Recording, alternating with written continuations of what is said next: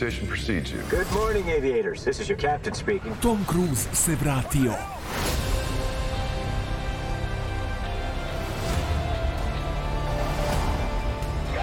Top Gun Maverick u bioskopima od 25. maja. Ćao svima i dobrodošli u najnovije izdanje Lab 76, broj 210.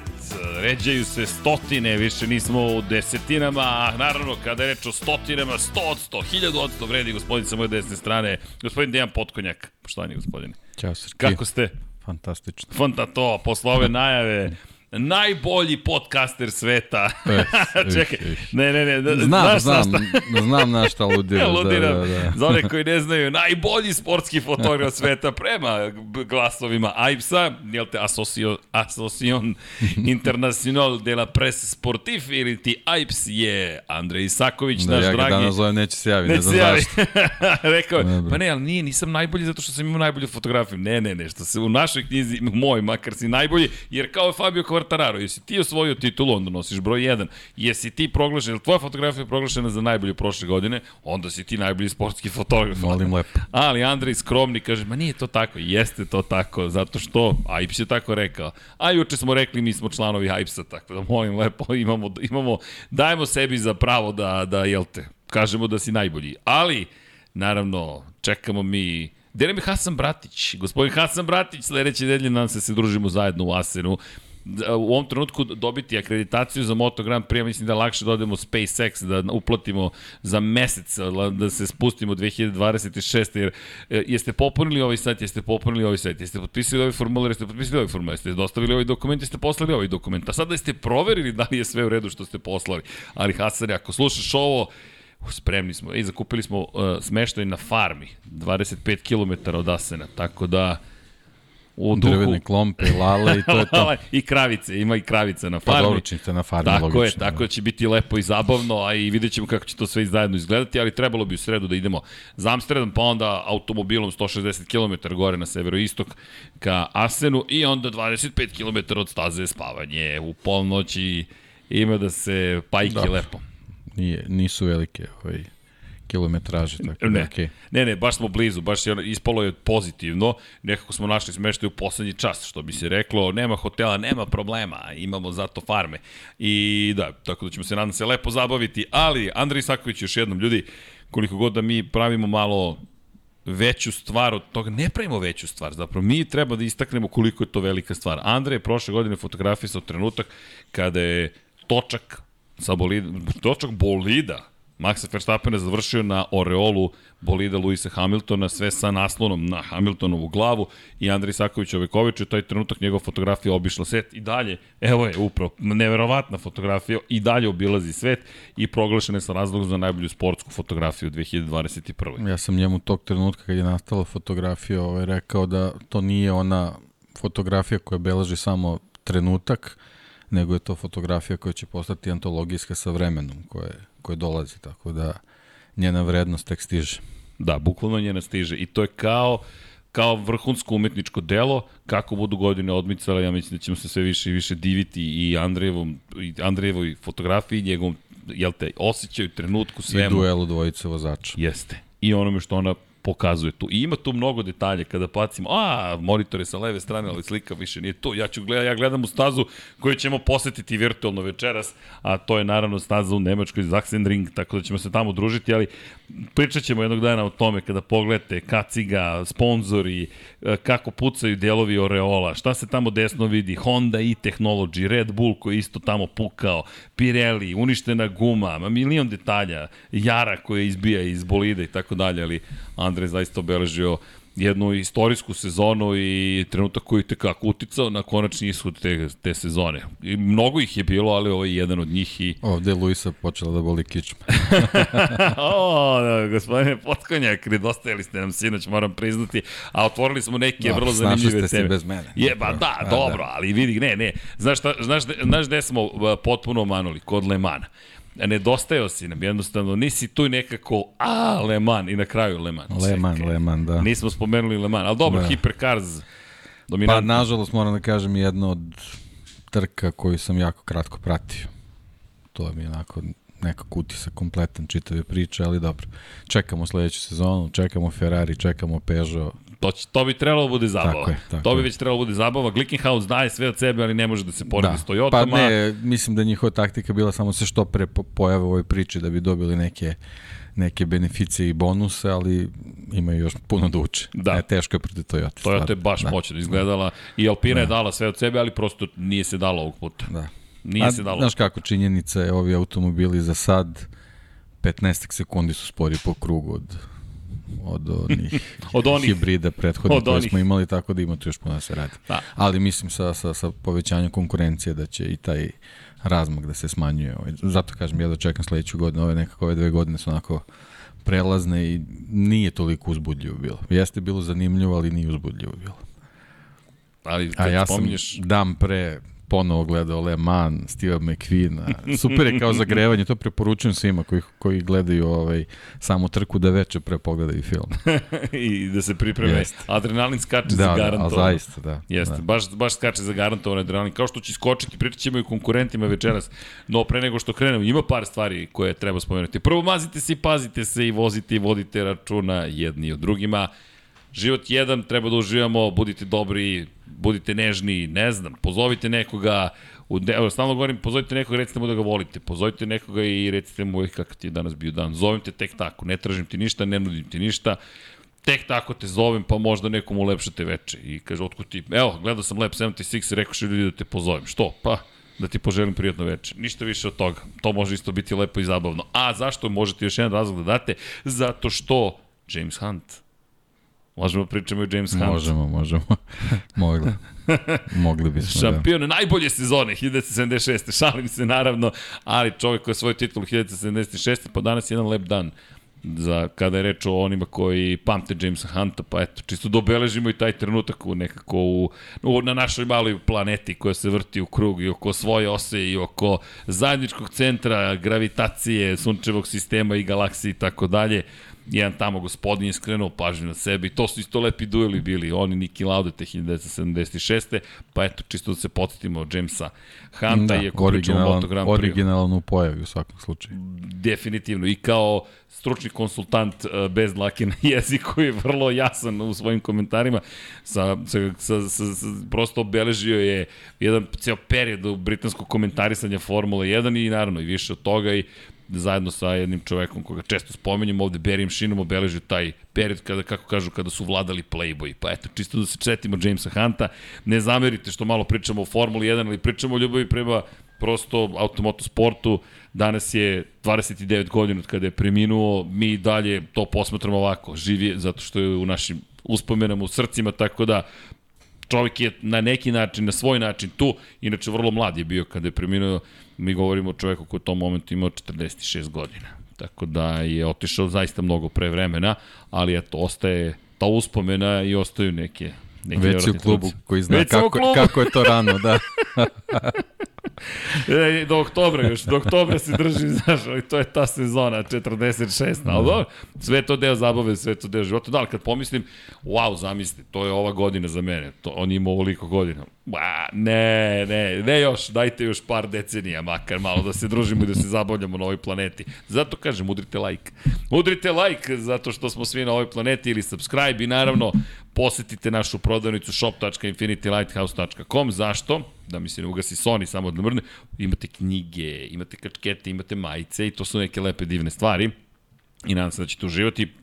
Autor dva, dva izdanja naša je sa moje desne strane i tu su Schumacher, tu je Sena, bit će toga još, Paja se ozbiljno priprema, samo da znaš, pričam s Pajom i Paja kaže, Samo dobro da se zagrije, da se istegne, da se ne povredi. Vidi, to je mnogo važno. Rekao mi je, danas šalje neke Molim spiskove, sve to. Pa nam priprema jednu lepu knjigu o Waterpolu, tako da pratite šta sve pripremamo. Biće toga još, imamo neki tako želje i ambicije da uradimo neke stvari koje nisu ovde urađene, a smatramo da treba da budu urađene. No, da se mi bacimo na odlazak u Nemačku, pre nego što naredne nedelje odemo bukvalno fizički u Holandiju, idemo u šume pokraj Drezdena, idemo na jednu kultnu stazu na svoj način, najkraća staza u šampionatu sveta u ovom trenutku, staza koja uglavnom samo i skrećete u levo, kao da vozite na neku naskar trku, samo idete u levo, levo, levo, levo, povremeno skrenete u desno, imate tri zvanično krivine u desno i to su krivine 1, 3, 11, sve ostalo je skretanje u levo, u levo, u levo, u levo.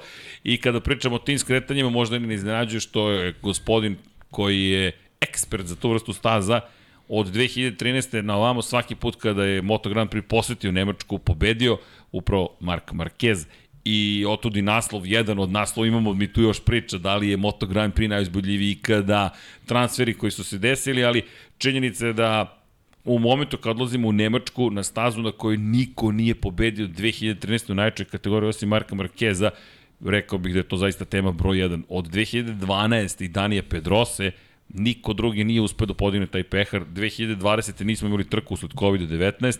2021. povređen još uvek, donekle oporavljen, sada možemo da kažemo posle ove najnovije operacije, pojavio se Mark Marquez i ponovo triumfovao i to ne triumfovao. Nije bilo dileme uopšte ko će triumfovati. Čak mislim da je moj najveći rival za svih ovih osam to je 9 godina i 8 trka, bio Jonas Folger na Teh 3 Yamahi svoje vremeno na domaćem terenu, a čak ni on na kraju nije mogao mnogo toga da učini protiv Marka Markeza. Ko pamti tu trku, jedan od onih antologijskih trka, nemački vozač, privatna ekipa, na Teh 3 Yamahi, trenutak slave, ali na kraju ni on nije izdržao, na kraju je popustio, jer Mark Marquez na ovoj stazi zaista ne znam kako ne zaustavlja.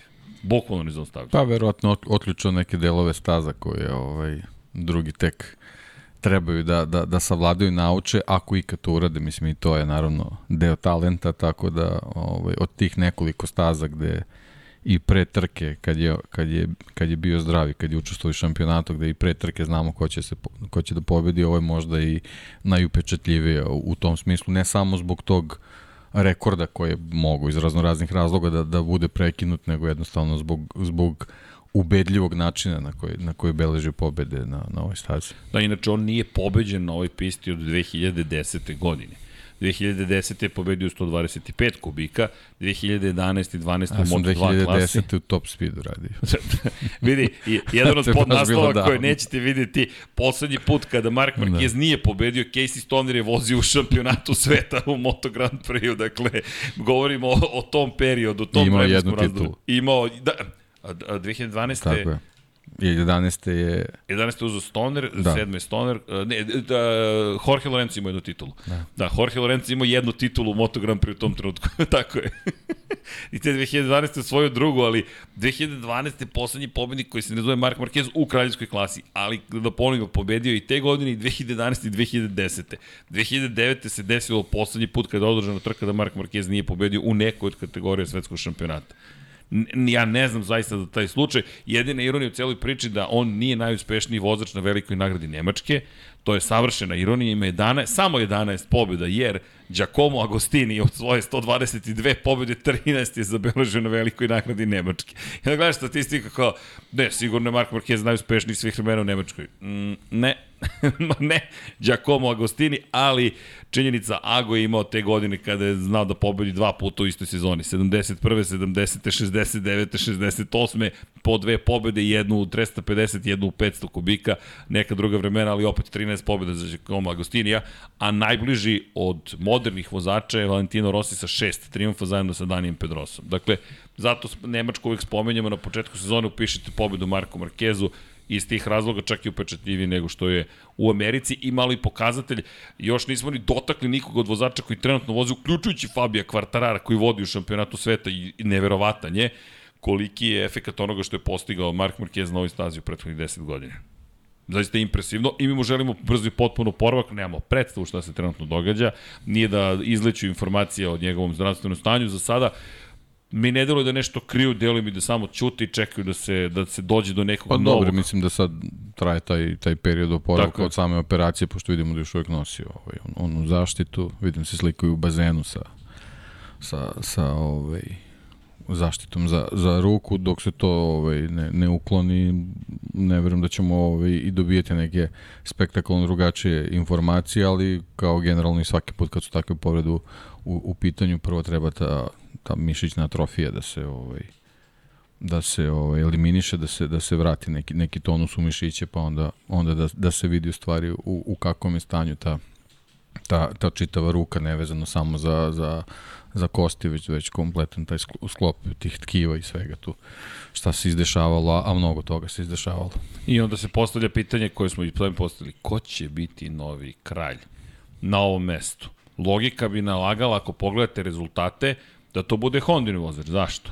Ili neki regent samo možda ove godine. samo da, da, regent, regent, da. knez, ne, ne, feudalac. Da, Dobio da, da. si posjedna pri, privremeno u, u odsustvu čoveka koji vlada ovom stazom, ali kažem ti, logično bi bilo da iz porodice, ako ćemo plemički Honda dođe, s obzirom na činjenicu da je pre tih osam pobjeda Marka Markeza uzastopnih, tri puta za redom pobeđivo Dani Pedrosa na Hondi. Poslednji vozač koji nije vozio Hondu, a zabeležio pobedu ovde je bio 2009. upravo Valentino Rossi na Yamahi.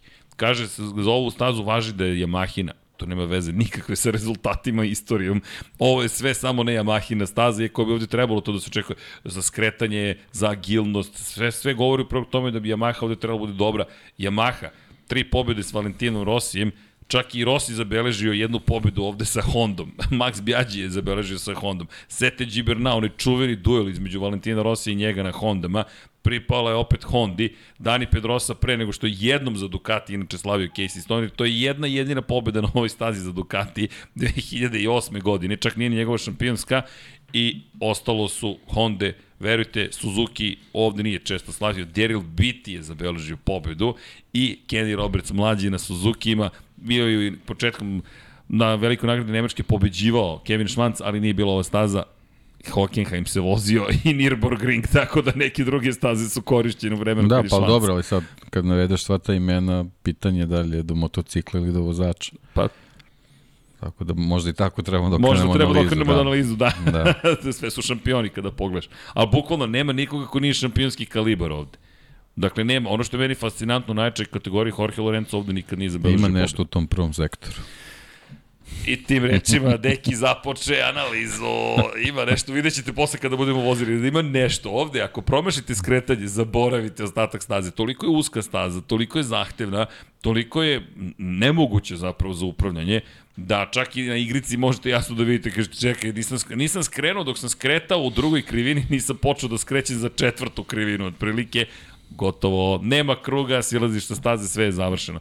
Tako da će biti vrlo interesantno kome može da pripade pobjeda. Nemamo predstavu, iskreno, ja nemam predstavu kome može da pripade pobjeda. Zašto? Pa prosto kada pogledaš, Fabio Quartararo je u jednoj neverovatnoj formi i ja mislim da bi mogao da Yamahu vrati na vrh baš iz tih razloga, jer Fabio i Yamaha su nešto drugo sasvim odnosu na Yamahe. I evo, sad se svi bave time, između ostalog David Demet je sjajnu analizu napisao za Motometers, 147 poena u šampionatu sveta ima Fabio Quartararo, ostala tri vozača zajedno jedva 40. Mislim da to dovoljno govori o tome šta radi zapravo Fabio Quartararo na Yamahi i zašto nekako imamo osjećaj da moramo da krenemo od njega, pogotovo što sada sa 22 poena prednosti posle Alešove velike greške u, u Kataluniji je došao u situaciju da je nadomak toga da ima pobedu prednosti, a mi smo vrlo blizu godišnjih odmora, da podstavimo samo još dve trke su ostale. I ovo su vikendi koji su kritični, jer mi u 7 dana završamo prvi deo sezone. Dakle, mi sad idemo na devetu trku godine, deseta dolazi u Nemačkoj i to je to. To je to, da, u Holandiji, Holandiji. izvinjam se, i to je tačno polovina sezone. I sada, Fabio Quartararo, posle onoga što je uradio u Kataloniji, dakle pobede i posle toga što je povećao prednost, ja mislim da će ići pun gas. Pogotovo u Asenu mislim da će Yamaha biti opasna, to ćemo savršeno odgovarati i ovde ukoliko iskoristi priliku može ba, zaista mnogo toga da postigne. Kada govorimo o plasmanima na ovoj stazi, nije završio 23. 13. 9. nije završio i bio na pobedničkom postolju prošle godine. Ali mislim da je najrelevantnije ono što je radio prošle godine. Ne računamo Marka Markeza, to smo rekli da je već neka anomalija i mislim da ovde može da da se bori zapravo za pobedu, veliko je pitanje šta će Ducati ovde uraditi. Ducati koji na prethodne dve staze, zašto je bio toliko srećan u Muđelu i Kataloniji, pa to su staze gde nije trebalo da bude ni drugi ni prvi, a upravo to je učinio, Ducati nije uspeo da zabeleži dvostruku pobedu. I još Francesco Banjaja ostao bez pojena u Barceloni. Tuđom greškom, ali opet da. je ostao bez bodova.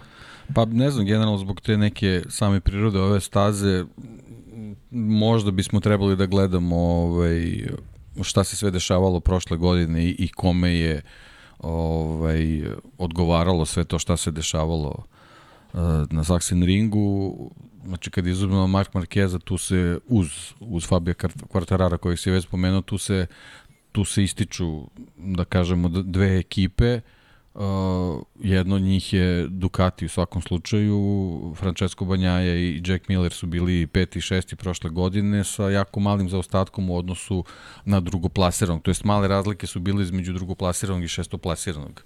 Ovaj, Jack Millera samo je Mark Marquez ovaj, napravio neku značajniju prednost i odvojio se, e, a drugoplasirani je bio Miguel Oliveira, čiji rezultat e, je ovaj, se uveličava četvrtim mestom Breda Bindera.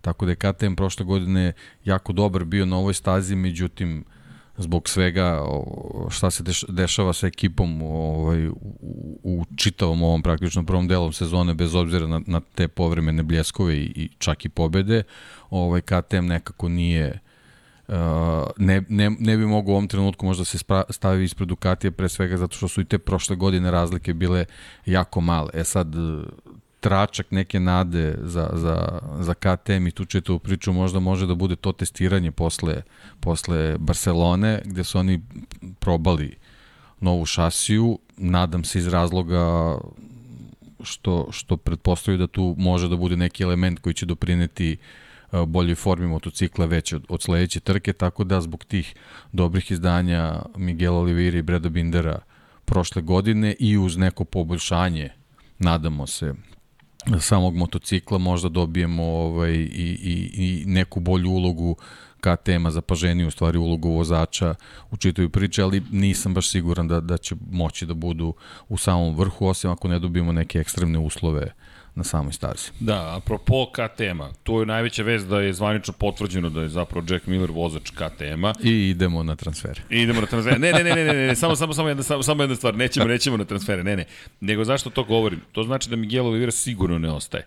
I ono što je sada neko moje pitanje je zapravo da li, ćemo da li će Miguel Oliveira samim tim dobiti najnoviju verziju KTM-a ili ne. Apropo ovoga testiranja, da. da više posmatram iz te perspektive. Ako ti znaš sada da Miguel Oliveira sigurno odlazi, a ja ne vidim da će on prihvatiti da se vrati u teh 3, to znači, logika bi mi negde nalagala da kažeš, ok, najnoviji delovi ne mogu da idu u ruke Miguel da. Oliveira. Zato sam skeptičan šta Oliveira može da učini, ne, ne krećemo da, transfere. Da. Ne, ne, sve ok, nego o, baš zbog toga što si naveo, a, za sutra najavljena konferencija štampa u Gresiniju, gde će i oni saopštiti neke ovaj Novitete. konačne ko, da, konačne konačne vesti ovaj pre svega vezano za tu jednu poziciju koja nas posebno sve zanima u, u Gresiniju, a ogromna, ogromna verovatnoća da će Miguel Oliveira upravo da bude taj vozač koji će, koji će se tamo naći, tako da ovaj, ako se to tako i desi, on će biti rasterećeni i sad vidjet ćemo da li, da li to može da,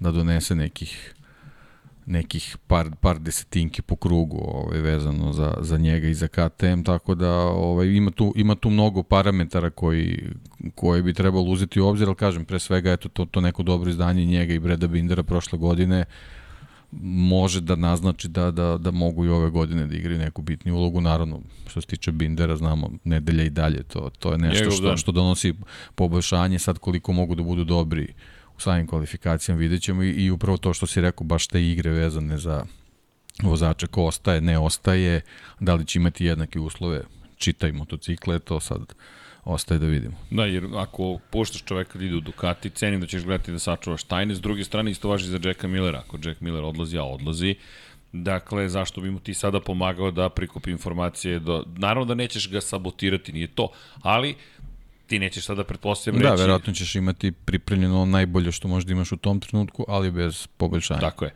I, I to je ono što čeka, pretpostavljam, Jacka Miller. Inače, Danilo Petrući, nekadašnji vozač KTM-a, se oglasio i rekao da dobri momak Jack Miller će se lepo provesti u KTM-u. Poznaju se KTM i Jack Miller, zajedno su sa, sa Akim Ajem pokušavali da osvoje titulu 2014. godine, nije im pošlo za rukom, ali su bili prilično upečatljivi te sezone protiv Aleksa Markeza, koji je na kraju bio šampion na Hondi u Estredi Galiciji. Da, pa moguće, moguće da KTM-u zbog čitave prirode te, te ekipe koju si ti prošle godine naglašavao i, i, i potencirao kao njihovu prednost treba možda tako neki vozač koji, koji ima tu neki, neku opušteniju komunikaciju ovaj, sa čitavim timom i, i, i koji na taj način stvari njima dopri, može da doprinese da budu opušteniji i da nekako a, ne lutaju u tom, tom razvoju kao što smo videli da, da može se desi ove godine. Ono što meni tu jeste opet zanimljivo, kažem ti, iz perspektive ajde, sad ne, ne transfera, ali upravo tih događanja jeste šta sad to konkretno znači baš za nastavak sezone, pogotovo za ove dve trke, ali okej, da ne odem predaleko s tom pričom i ono što mi je zanimljivo iz KT, perspektive KTM-a, zbunjen sam. Mislio sam da prave koherentniju ekipu i da će to biti konzistentniji tim. Ti odjednom od ekipe koja je rekla mi verujemo u Olivieru, dolaziš do toga i e, čao, nisi nam potreban. Jedini čovjek koji je pobedio ove godine na KTM-u je Miguel Oliveira u Indoneziji on zabeležio pobedu ne tako davno i ti ga menjaš, dovodiš Jacka Millera apropo ovoga da. što si rekao, možda je to taj potes pa možda da, ali eto da, da dodam na, na tu rečenicu možda je Miguel Oliveira nekako vozač koji ili on smatra ili zaista tako dolazi u tu grupu nekih superstarova koji očigledno ekipi koja je onako satkana od radnika, verovatno kao što je KTM i ne odgovara i neki eventualni povratak Pola Espargara uh, možda može da, da doprinese da imamo neki, neki KTM iz, iz 2020. što bi sa Jackom Millerom sigurno dobilo, dobilo na kvalitetu, ali nekako generalno ta, ta čitava rokada, jednostavno, znaš, nisam siguran šta sad tu KTM tačno dobio, ali ti jednog Miguel Oliviru menjaš Jackom Millerom.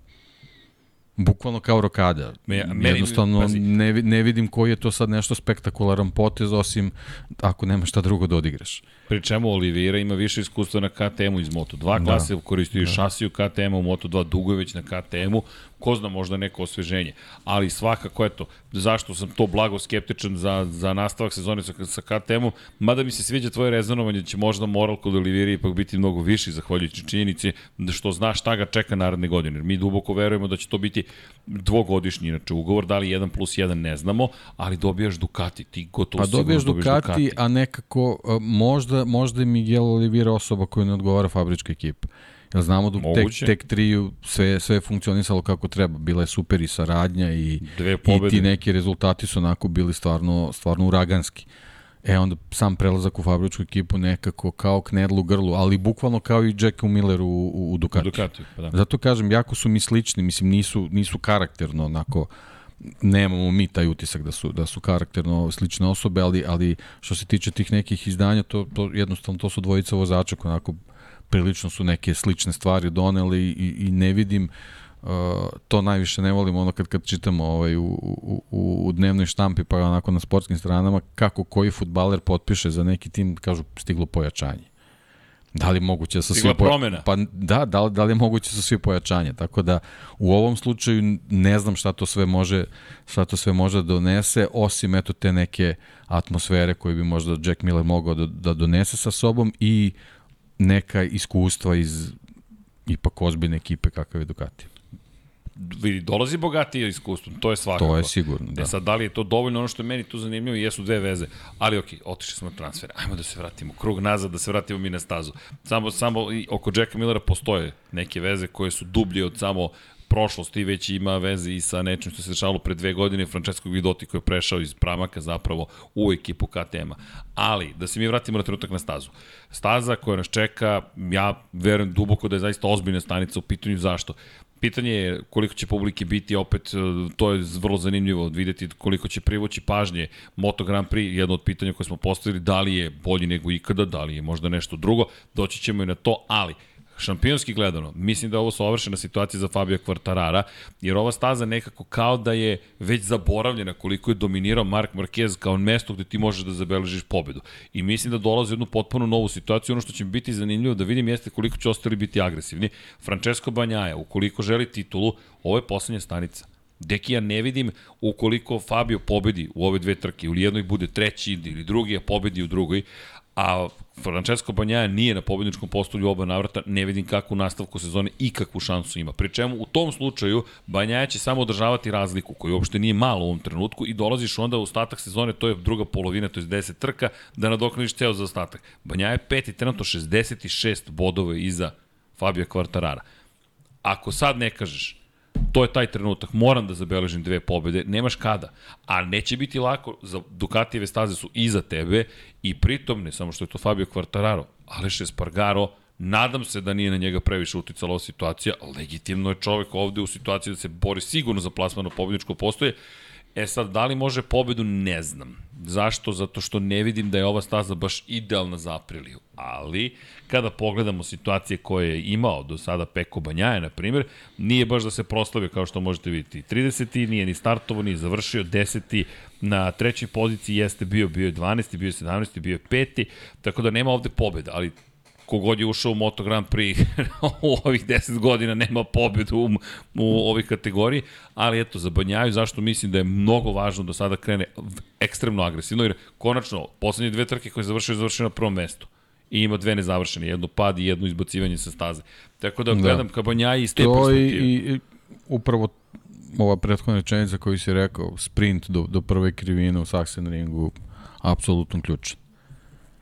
To je, to je isto jedan, jedan ovaj element koji je Marquez zaista doktorirao, posebno vezano za ovu stazu, a videli smo na, na prošle trče u Barceloni kako Fabio Quartararo ume da, da realizuje ono što je neophodno u toj prvoj krivini. Tako da zaista pred, pred Pekom je ozbiljen, ozbiljen ispit. Eto kažem, donekle ovaj, uh, ohrabruje taj neki plasman iz, iz prošle godine. Znači, ako, ako oduzmemo KTM-ove i, i Markeza, on može tu možda da bude u, u, u nekom priključku sa, sa Fabijom, međutim, kao što si rekao, mislim da, da u slučaju Fabijove pobede ni drugo mesto nije, nije preterano zadovoljavajuće. Ne, jer ukoliko Fabio pobedi, ti drugom pozicijom gubiš još 5 pojena. To je sada već 71 poen. Da, na ivici, na ivici tri trke. A dolazi jasen. A dolazi jasen. Da. Gde vi svi vidimo Fabija u najboljem mogućem izdanju. Jer to jeste bukvalno staza koja je rođena za njega i za Yamahu. Saxoning, ne.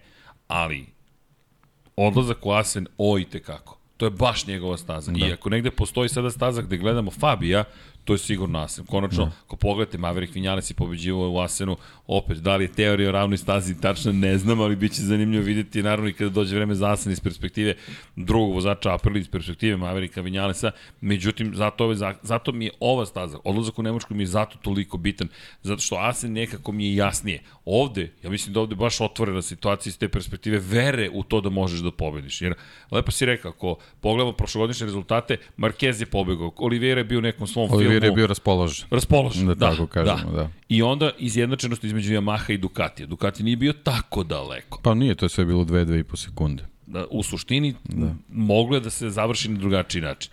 E sad, opet ponavljam, ako želiš da budeš šampion, ajmo sada da te vidimo, sad je ponovo izov. Nije lak, ali čuj, ako hoćeš da budeš šampion, to moraš da uradiš. Da li nekako je to opet je sam skuvao da bukvalno svaka sledeća trka treba da bude veliki izazov i to je ono što, što predstavlja problem i, i, i od čega treba u stvari Peko da se i rastereti da bi, da bi mogao da, da ima neku konstantniju sezonu. Jako je teško imati taj pritisak da ti bukvalno svaka sledeća trka više nego odlučujuće. Ali pazi, možda njemu to prije. Da. Ali kada? Kada mnogo ajde, zostaje. Hajde da vidimo. Ajde da vidimo, ajde da, da bukvalno ajde da. da vidimo. Jer pazi, jedini čovjek koji ikada povedio s Ducatim Casey Stoner da. 2008. godine. To je Ali kažem, nestvarno. imamo sprint do prve krivine i to je jako kratak sprint, potpuno suprotnost Barceloni, tako da stvarno može da bude zanimljivo i onda kreće taj splet krivina o kojem si pričao. I onda uske krivine. Jeste, to stvarno ovaj, moraš da budeš u dobroj poziciji da bi mogo kvalitetno i, i da kažem idealno da ih prolaziš, tako da nije, nije uopšte lako kad si, kad si negde u sredini kolone. Kakav je to, kako, kako ti vidiš ovu stazu? Kakav je tvoj utisak generalno ovoj stazi? Pa nekako Sachsenring, ono, mislim, znam dosta ljudi odavde s ovih prostora koji, koji vole da odu tamo, zato što je to ne znam koliko je, nisam nikad bio tamo, ne znam da li je, da li je komplikovano otići ili, ili, ili nije ili, ili ne znam zašto, ovaj, odla, odlaze tamo, ali nekako ona je ono, uvek je bilo u kalendaru ne uvek naravno kao velika nagrada Nemačke, nego, nego pričam, pričam o njoj, nije, nije toliko dugo, ali je bila, ovaj, ali nekako se uvek podrazumeva da je tu i nekako mi možda sad zbog, zbog svih ovih rezultata Marka Markeza ne, nikad nije bila staza koja pre same trke ovaj, ti budi one iščekivanja da dolaziš na, ne, na neki spektakl možda zbog tog nekog ishoda koji je eto tako ovaj uvek bio uvek bio poznat, ali ali stvarno kad se pogleda ovaj mi tu uvek dobijemo jako zanimljive trke. Ma, vidi, meni je jedna od najčudnijih staza apsolutno u kalendaru, ali meni je nešto draga. Moram ti pa priznati, nešto mi je draga. nekako tako spakovano, kompaktno i sve tako brzo ide i onaj ludi vodopad, ona krivina da. broj 11 gde ti pun gas nizbrdo, slepa krivina na dole i samo se nadaš da će sve biti ok i, i naravno čuveni požar na Aprilia RS Cube Colin Edwardsa da se ne ponavljamo iz godinu u godinu je činjenica zapaljen Aprilia, on čovjek skače sa onog motocikla, to su sve neki uspomeni iz, iz, sa, sa te trke i naravno žestoke bitke, pa i taj poraz Valentino Rossi gde je samog sebe porazio, on je bio u 12. krivini ispred Sete, i onda je išao usko kroz krivinu Sete iskusno, savršenom putanjom, pobeda, velika pobeda bila za Sete, baš velika, to su neki uspomeni tako koje ostaju i čuveni poraz Danije Pedrosa 2013. pa i pad Jorge Lorenza, jer to je početak ere Marka Markeza. Ja mislim da je na ovoj stazi definitivno počela njegova era. Zašto? To je, u tom periodu Asen je dolazio pre Nemačke, i kada bismo stizali u Sachsenring, do, dolazili bismo zapravo posle Asena. Šta se desilo u Asenu te godine? Tada se trka u Asenu vozila u subotom još uvek, tradicionalno. U četvrtak je Jorge Lorenzo pao, slomio ključnu kost, otišao operaciju na, u, u Španiju, otišao na operaciju, zvratio se operisan i bio peti u trci u Asenu. 7 dana kasnije Jorge Lorenzo leti kroz vazduh upravo u krini broj 11, lomi ponovo ključnu kost, nema poena.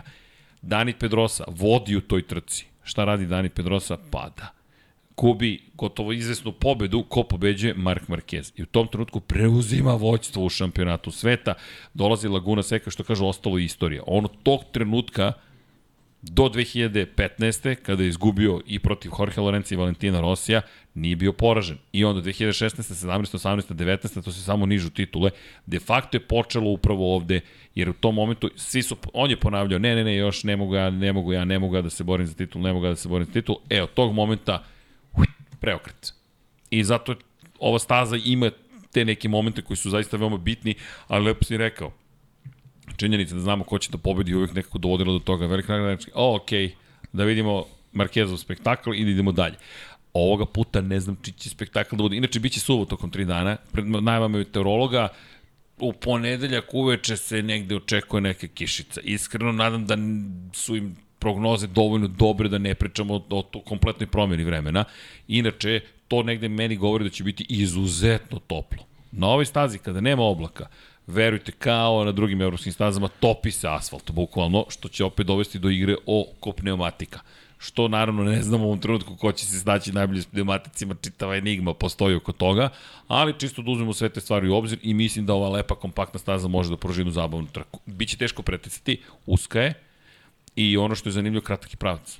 Nema tu prostora nekog preteranog. Tako da... Pa, da, bitan je izbor, izbor putanje i eto, to, kao što si rekao, to, ta priprema ovaj, posle vodopada i to, to kočenje neko na dnu, ali nekako ko, kad god imamo ovaj očekivanje da tu nešto se desi, nekako izostane. Kao, kao da onome koji juri nedostaje par metara da, da tu nešto više uredi, ali, ali eto, da, da se nadamo da će ovoga puta biti tako, da pa bude vidi, zanimljivo. Za, zaista bih volao da, da verujem da, da, da, da ćemo dobiti trku koju da. negde zaslužujemo, jer pa suprotnom... Da, kažem, eto, nemamo, da, da, da se ne ponavljamo sto puta, nemamo Markeza, ne znam koliko možemo da računamo na KTM-ove vozače, ali uz, uz Fabija i uz uh, tandem ovaj, na, na, na fabričkim Dukatima trebalo bi da spomenemo i Aleša Espargara, koji je prošle godine što nije, nije se toliko često dešavalo prošle godine, bio upravo iza ovih svih pomenutih vozača na, na kraju trke i to praktično na, na bile mrtva trka sa, sa Jackom Millerom.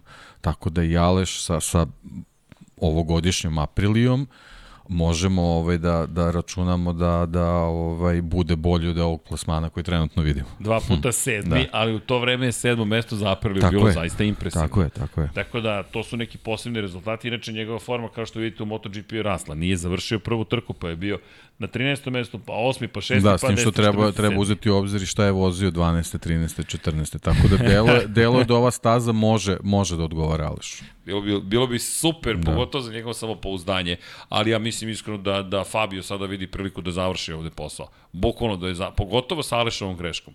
Jer svima je bilo žao, niko nije hteo da je neka druga staza, mislim da bi bilo drugačije, ali u Kataloniji mislim da je svima bilo zaista zaista žao za, za Aleša šta se desilo.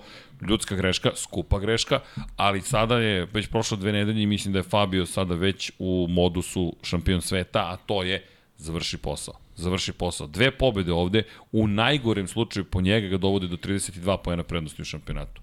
32 poena, to je već ogromna prednost na polovini sezone, još čoveka koji i tekako zna šta treba da radi. Inače, da odgovorimo na jedno od pitanja, da li ćemo biti u Austriji, bit ćemo u Austriji na trci 21. augusta, tako da znate, trebalo bi da stignemo 20, 18. otprilike bi trebalo da smo već na stazi. Čisto da znate. Tako da, to je sledeće putovanje koje znamo. Asen pa Red Bull Ring, da li ćemo biti u Valenciji na kraju sezone, ne znam. Naše kolege iz Zagreba će biti u Silverstonu, zajedno sa Jelenom, pa eto, da odgovorimo na konkretno to pitanje, tako da znate, zatvoren nam je trenutno ulaz za padok, ali lobiramo, nadam se da će do Austrije biti dovoljno dosadan i uporan da nam daju makara jedan dan da uvodimo publiku i tako. Mada to će biti malo teže ove godine kako je krenulo, ali upornost je čudo. Idemo dalje. Kao što reče, da se ne ponavljamo, gledamo, teško je najaviti trku kada šta da najavimo? Ovo je trka koja je uvek pripadala jednom čoveku, vrlo je bilo jednostavno najaviti. Pa dobro, eto, Sada sad nemoguće. smo, izvukli smo možda To, to. neku, neku ekipu momaka koja, koja može da, da ovaj, barem što se tiče kvalifikacija, zakuva čitavu priču da vidimo koliko će da bude zanimljivo i ako već spomenjamo kvalifikacije i ako smo već spomenuli Ducate, ja bih tu dodao i Joana Zarka koji je znao tu stvarno da vozi ove dobre krugove, tako da eto, ta neka tri Ducatija, Aprilia, Yamaha, ima tu svašta. Ovaj, Vesa da, kad se pojavi da ponovo pogleda. Fabio Di Antonio. Da. kad se Diđa pojavi, kaže, čekajte ljudi, sad znam brzi krug da Pa znaš kako, imamo, imamo dosta, dosta vozača koji su i nas ove godine iznenadili sa nekim svojim ovaj, izdanjima, tako da ono što smo, na što smo se oslonili za prošlu sezonu, možda apsolutno ne mora ništa da znači. Možda tu postoje neki, neki momci koji, koji će sami otkriti koliko im dobro leži ova staza, ovaj, tako da može da bude još zanimljivije od ovoga šta smo mi naveli. I Diđa, i naravno Bastianini, i Jorge Martin. Jorge Mislim, Martin da. koji se Da. koji je dao jedan poduži intervju, inače ključna stavka iz tog intervjua je da je rekao vrlo jasno, ukoliko ne budem imao fabrički Ducati, Da. ja neću biti u Ducati. To jest, ne, ako ne, ukoliko ne budem imao fabrički Ducati, naći ću sebi fabrički motocikl. Sad tu postoji mali problem. Koji fabrički motocikl? Yamaha znamo da je rezervisana. Honda deluje da će neko drugi biti tu, mada ko zna, možda i Jorge Martin tu nađe dom, mada mi vidimo tu Đana Mira i onda ostaje pitanje gde će u Apriliju, ne može, tamo su vrata takođe zatvorena. Mada možda satelitski tim možda mu da fabričku Apriliju, ali nisam siguran. U svakom slučaju Martin ne želi ništa manje od onoga što je želeo na početku sezone. Pa i to ostaje dalje intrigantno kao pitanje, ali mislim da će biti bitno, pogotovo posle operacije, vidjeti kako će da vozi i kada je rekao da je ponovo osjeća motocikl i vratio se na onu prvu verziju, da li zaista Martinator jeste ta verzija Martinator i sa tom povredom da li to može da postigne.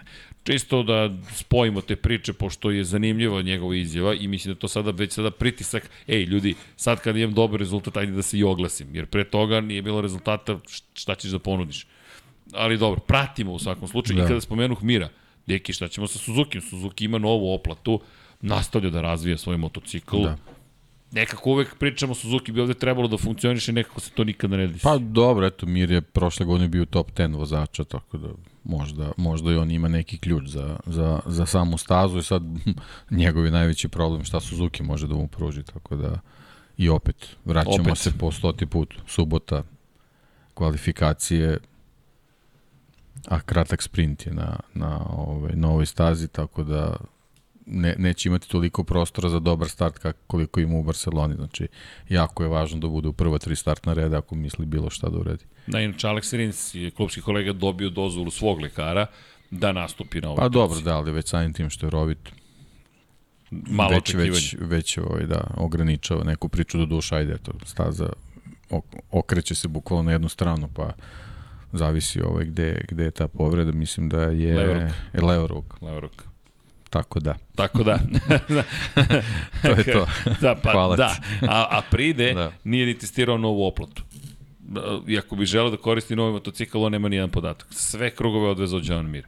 Jer ga u Barceloni Da. nije bilo. Nije bilo Rinsa prosto za test u Barceloni po završetku trke. da. Pa eto, možda zbog toga Mira treba malo, malo ovaj, opet preko veze ubaciti u, U celu priču. u celu priču. ne vredi, Da. Mir ne može bez, bez Da. toga nikako. Da, da, i treba, ajde, mislim, ne, ne znam da li to uopšte nešto može da znači, ali treba ubaciti u priču možda i Becekija, Diđu, zato što su prošle godine Pa- moto dvojkama bili dobri ovde, A sve su bolji da, na Ducatiju. Jeste, a dominirao je Remy Gardner, tako da... Da, u Moto2 Da. klasi Remy Gardner je baš Da. odvezao dobru trku. Dobro, pa dobro, Raul je imao kiks koji mu je možda od, od, odnovi titul. Vidi, ali Da. Remy je svoje odradio. Jeste, tako da eto, možda, možda on dobije tu neku novu šasiju umesto Miguela, ako imaju, ako imaju dve, možda oni Brad dobiju, pa eto, možda dobijemo i, i najbolje gremije ove sezone ovde. Pazi, bio Što može da bude zanimljivo, da, U da, Kataloniji da. se ozbiljno žestoko se borio. Borio se u toj grupi o kojoj smo pričali. Jack Miller, on, zatim Derin Binder, Andrea Dovizioso je bio tu negde u grupi. Bilo je baš zabavno. Da. Ko, pričali smo trka koju nikad nećete videti. Nije, nije ni zabeležena nigde, samo u našim glavama, pošto smo imali zadovoljstvo to da vidimo, ali to je to. Ali Gardner zabeležio pobedu. Izvini, Pedro Acosta u Moto3 klasi, ali pričat ćemo o Moto2 samo kratko. To isto ne teško prognozirati bilo šta, ljudi. To, to. Najteže je najavljivati ovako trke i pričati šta će se, Da. ko to zna šta će da se desi. Ali izlačimo podatke iz toga iz prošlosti šta smo videli, koje su neke naše očekivanja i neki osjećaj šta nam govori da bi moglo da se desi. I logika, naravno, stvari iz perspektive šampionata od koga očekujemo da izvrši najviši, najveći pritisak. Mislim da u šampionatu pričati o bilo kome, iskreno, osim Fabio Quartararu, Alešu Espargaru i, i čak i danas Peku Banjaji i Rene Bastianini, nažalost pokazuje da ono što si ti rekao da će se desiti, ti si bukvalno to najavio i rekao polako Crki, polako. Da mi vidimo da on može da zabeleži više trka, da ih završi uopšte, a kamoli nešto drugo. Ispostavilo se da u četiri trke dve nije mogao da završi, bez obzira na pobedu u Francuskoj i fakat deluje kao prosto vozač koji ove sezone ne može da iznese tu priču, ne može da to čudesno, tu, tu čudesnu titulu donese privatnoj ekipi. 53 poena zaostaje za Kvartararom. Kvartarara koji sve trke završava i u prethodnih pet trka manje više bez greške. Čak Francuska najgore izdanje kada je bio četvrti. Dve pobjede, dva druga mesta, jedno četvrto i I to je to. Aleš Espargaro je bio najkonstantniji, konzistentniji u celoj priči, zato ga i ubacujem u ceo razgovor. Ako bi pobedio Fabio Quartarara, pf, bilo bi spektakularno iz perspektive šampionata. I Aprilia mislim da ima šta da ponudite kako u, Asenu. Mislim da tamo Aprilia može da bude vrlo konkurentan. Teško će s Fabijom, ono što si ti rekao, početak trke opet ista priča, ali ajde da vidimo. Dobro, bit će zabavno. Bit, bi, ja mislim zaista da će biti ovo zabavna trka. I kažem, volim tu kratku stazu, 700 metara dugačak pravac, 300 km na čas su maksimalne brzine, nije da je sad ono odjednom da su oni mega spori ovde. Naprotiv, samo ne idu 355 kao što idu u Muđelu. Da. Što nije mala razlika, naravno. 20% na tu brzinu. Ali dobro. Elem, e, recite vi ko pobeđuje, šta su... va- Čekaj, ko pobeđuje? Pa ja mislim Quartararo. Onako, da kažem, da bude realno, a onako spektakularno, pa ne znam, možda... Ajde, nek bude Aleš Espargar. Ajde, Aleš, ajde, ajmo na Aleša, Ajde, bude, da da. bude Aleš. Mislim da, bude. će mu biti nemoguće, ali nema veze. Da. Mislim da je Đavo došao po svoje. El Diablo je rešio da, da, da završi ovde situacija. Možda malo kasnije nego što smo očekivali, ali opet dobar period za, za Fabije. Ali Aleš bi bilo, bilo bi zabavno. Ne, Aleš je u, u poslednjih nekoliko trka pokazao da je, da je vladao tim njihovim sistemom za, za start, tako da možda, možda može da, da iskoči na prvo mesto. Posebno zato što je kratak start, e, kratak, e, kratak sprint do, do, do, do prve krivine. Ako bude imao dobru startnu poziciju, to je u stvari onda ključno. I sad sve to, ko će da pobedi, iako pričamo o Fabiju, ist- ističemo Fabije, deki, dovodi nas na naše pitanje. Da li je Moto Grand pri najbolji što je ikada bio? Pa, nije to naše, naše pitanje, me je više zaintrigirao Carmelo Espeleta koji je to izjavio da eto. Pa eto, naše pitanje je za to. 30 godina od kad je on na, na čelu Dorne koja rukovodi praktično eto, čitaju Moto Grand Prix organizacijom da Moto Grand Prix nikad nije bio bolji, tako da ne znam, ja Mislim, sam ti se... slažeš sa tim, Pa- ja, izniću ja moje mišljenje, ali... Pa ne znaš kako, uh, uh, nije da se ne slažem, ali samim tim što sam se onako začudio kad sam čuo tu izjavu, dovoljno govori da možda nije baš tako. E sad, to sad treba izanalizirati i verovatno ta analiza treba baš, baš dugo da traje. Tako ajmo, da, da, ali ajmo da ne krenemo od emocije. Ajmo da krenemo od emocije. Možemo da se ba racionalnim. Ali da li imaš osjećaj, kažeš, ok, ovo je sezona koja ću pamtiti ove najbolje sezone ikada? Pa, Ja nemam. ne znam, da ja, ja verujem da se on, on se verovatno rukovodi tom nekom situacijom na, na što stvarno može da bude ponosan vezano za taj tehnološki razvoj. Fakat. Moto Grand Prix-a i, i, i, i, i činjenicom da zaista da nije bilo Dorne u, nek, u jednom trenutku da da pomogne šampionatu sa CRT-om, sa tim pravilima, sa, sa njihovom vizijom šta treba da se uradi da bi da bi opstali sa velikim brojem motocikla na gridu i tako dalje, tako dalje, zaista možda svega ovoga ne bi bilo i verovatno tog trenutka uh, uh, je i Dorna pomogla da dođemo do, do ove faze u kojoj smo, ali uh, mnogo različitih faktora igra ulogu da bi nešto mogao da, da, da proglasiš najboljim ikad u nekom šampionatu u kojem čak ni ti nisi od samog početka. Mislim, ja, ako računamo, znači 92. on vodi kao neku početnu godinu Dorne u, u, u Moto Grand Prix-u, meni neki period nekih deseta godina pre toga je više nego za pamćenje bio. Iako sam ono i bio i, i, i klinac i nije bilo toliko dostupno kao, kao što nam je danas sve, sve dostupno, meni su neke trke iz tog vremena bile mnogo spektakularnije nego, nego danas, a ne možemo da kažemo da je bilo malo vozača na gridu koji su konkurisali za, za pobjede. I različitih proizvođača takođe. Različitih proizvođača, tako, koji su i, i eksperimentisali, ja stalno spomenjamo Kađivu, pričamo o njoj, Kađiva je napravila Moto Grand Prix motocikl pre, pre nego što je Dorna ušla uopšte u Moto Grand Prix. Pre što se zvao Moto, što je nekom palo na pamet kako će da se zove Moto Grand Prix. Da. Hadživa je zaista preteča i njen izgled je kao da gledaš savremeni. Ne, ne, bukvalno je motocikl bio prevre, napravljen pre vremena, jednostavno tehnološki elementi nisu mogli da prate ono što su imali viziju. Što su osmislili. Pa što viziju Kadžive jednostavno niko nije mogao da prati, nisu mogli ni oni sami. Tako da ovaj iz mnogo razloga ne bih mogao da, da, da se složim s time da, da je ovo najbolji period ikada, posebno zbog tih nekih stvari, ovaj, tih nekih smernica o kojima smo pričali, na koji način je u stvari usmeren čitav tehnološki rastove Moto Grand Prix i gde to vodi. Tako da to su svi neki elementi koje onako ne bih ja ovaj, smeo baš tako sa sigurnošću tvrdim da je ovo nešto najbolje što smo, što smo gledali. Pa da, i to njegove izjave da je naj, najbolje što ikada bio, Da, pričalo se i o tim aerodinamičkim razvojima. Ja sam iskreno, ne, ne mogu da se složim sa time. Dakle, razumem i njega. Meni čak je veća indikacija toga da ako ti imaš potrebu nešto da istakneš da je najbolje što se ikada desilo. Kao izvršni direktor kompanije koja nečim upravlja, već mi je to problem u sportskom. Za, zašto? Čemu potenciranje? Pa jel postoji sumnja da li je tako ili nije? Iskreno mislim da postoji par problema, ali sviđa mi se dakle si krenuo od tehnologije i tehnike. Ako Ali pazi, što je frapantno u toj priči, mi smo potpuno izuzeli zvezde u šampionatu. A na kraju dana ljudi su najvažniji. Možeš da staviš 40.000 identičnih motocikala, a ako nemaš junake, ako nemaš ljude koji će to da nose i ljude koji će da inspirišu drugi ljude, nas, sve zajedno, da kažu, čekaj, hoću da vidim šta će da uradi Fabio. Hoću da vidim šta će da uradi Peko. Hoću da vidim šta će da uradi Beštija hoću da vidim da li će Joan Mir da se izvuče. Nekako mi smo došli do razvodnjenog sistema iz te perspektive, aerodinamika se meni ne dopada u kontekstu toga što smo mi ostali bez onoga što je bilo blagodeta, to je da ne samo preticanja sama po sebi, već da preticanje najviše zavisi od vozača.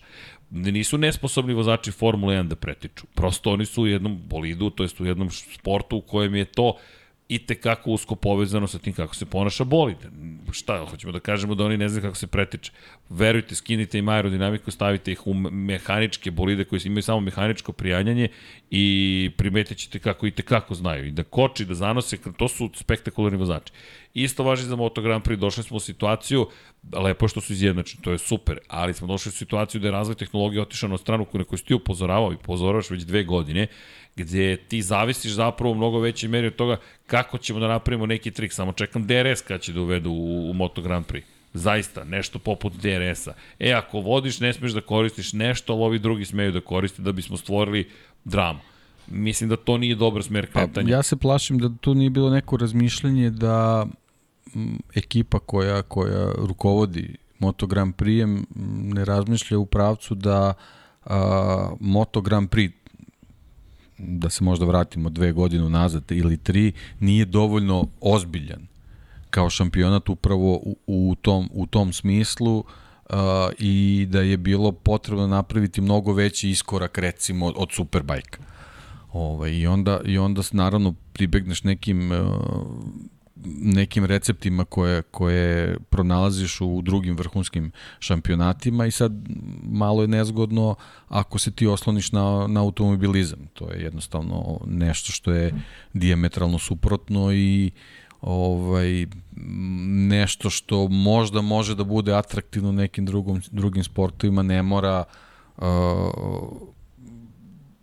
a priori da bude atraktivno i, i u sportu s kojim, kojim ti rukovodiš. I sad nama je u jednom trenutku ta pojava nekih zakrilaca bila jako zanimljiva, ali pošto je to bio neki, neki povoj e, i u tom trenutku doprinosilo na neki u nekom malom procentu ovaj, e, u, u, čitovi priči oko, oko performansi određenog motocikla, to je, to je moglo da deluje na taj, da kažem, atraktivan način. Međutim, sad kad dolazimo do toga da, da ovaj, e, ta aerodinamika igra mnogo veliku ulogu u čitovoj konstrukciji motocikala, onda to možda može da, da, bude, da bude i mali problem. I upravo ono što, što pričamo ovaj, uh, uh, već neko vreme, videli smo da su i vozači malo počeli da, da, da to komentarišu, uh, da li je neophodno Moto Grand Prix da, da dokaže da je ozbiljan šampionat tako što će motocikli ići 400 na sat. Da li nam je to, da li nam je to neophodno? Pa evo, da li nam ovo nije dovoljno? Jedan od komentara je Boris Strutin, naš dragi prijatelj, pozdrav za Borisa, koji je komentarisao na moju na moju konstataciju da su vozili 355 km čas, u nekim trenucima skoro 370 km čas smo videli kretanje motocikala dolazimo do nekih besmislenih granica i slažem se s tom. Ko, šta je sledeća stanica iz perspektive brzine? Ali to su onda dreksteri. Mi sada već pričamo o tome kada je reč o startu trke, o uređaj 1, uređaj 2. I okej, okay, tehnologija treba da, raz, da, da, se, Absolutno, da se razvije. niko nije, niko nije protiv toga. Tako je, ali samo treba da povedemo račune o tome šta dobijamo zahvaljujući svemu tome. I to, to smo pričali sa, i sa Binderom, i Brad Binder koji je rekao, vi vidi, neke stvari dobiješ, neke stvari izgubiš, ne vidi toliki problem, ali ono što vidimo na stazi, došli smo do stadijuma da ti, evo, Jack Miller u Portugali, nije mogao da pretekne Johna Mira, nije bilo šanse. Na kraju pola metra kasnije kočenje, blokira se točak, jedan i drugi padaju.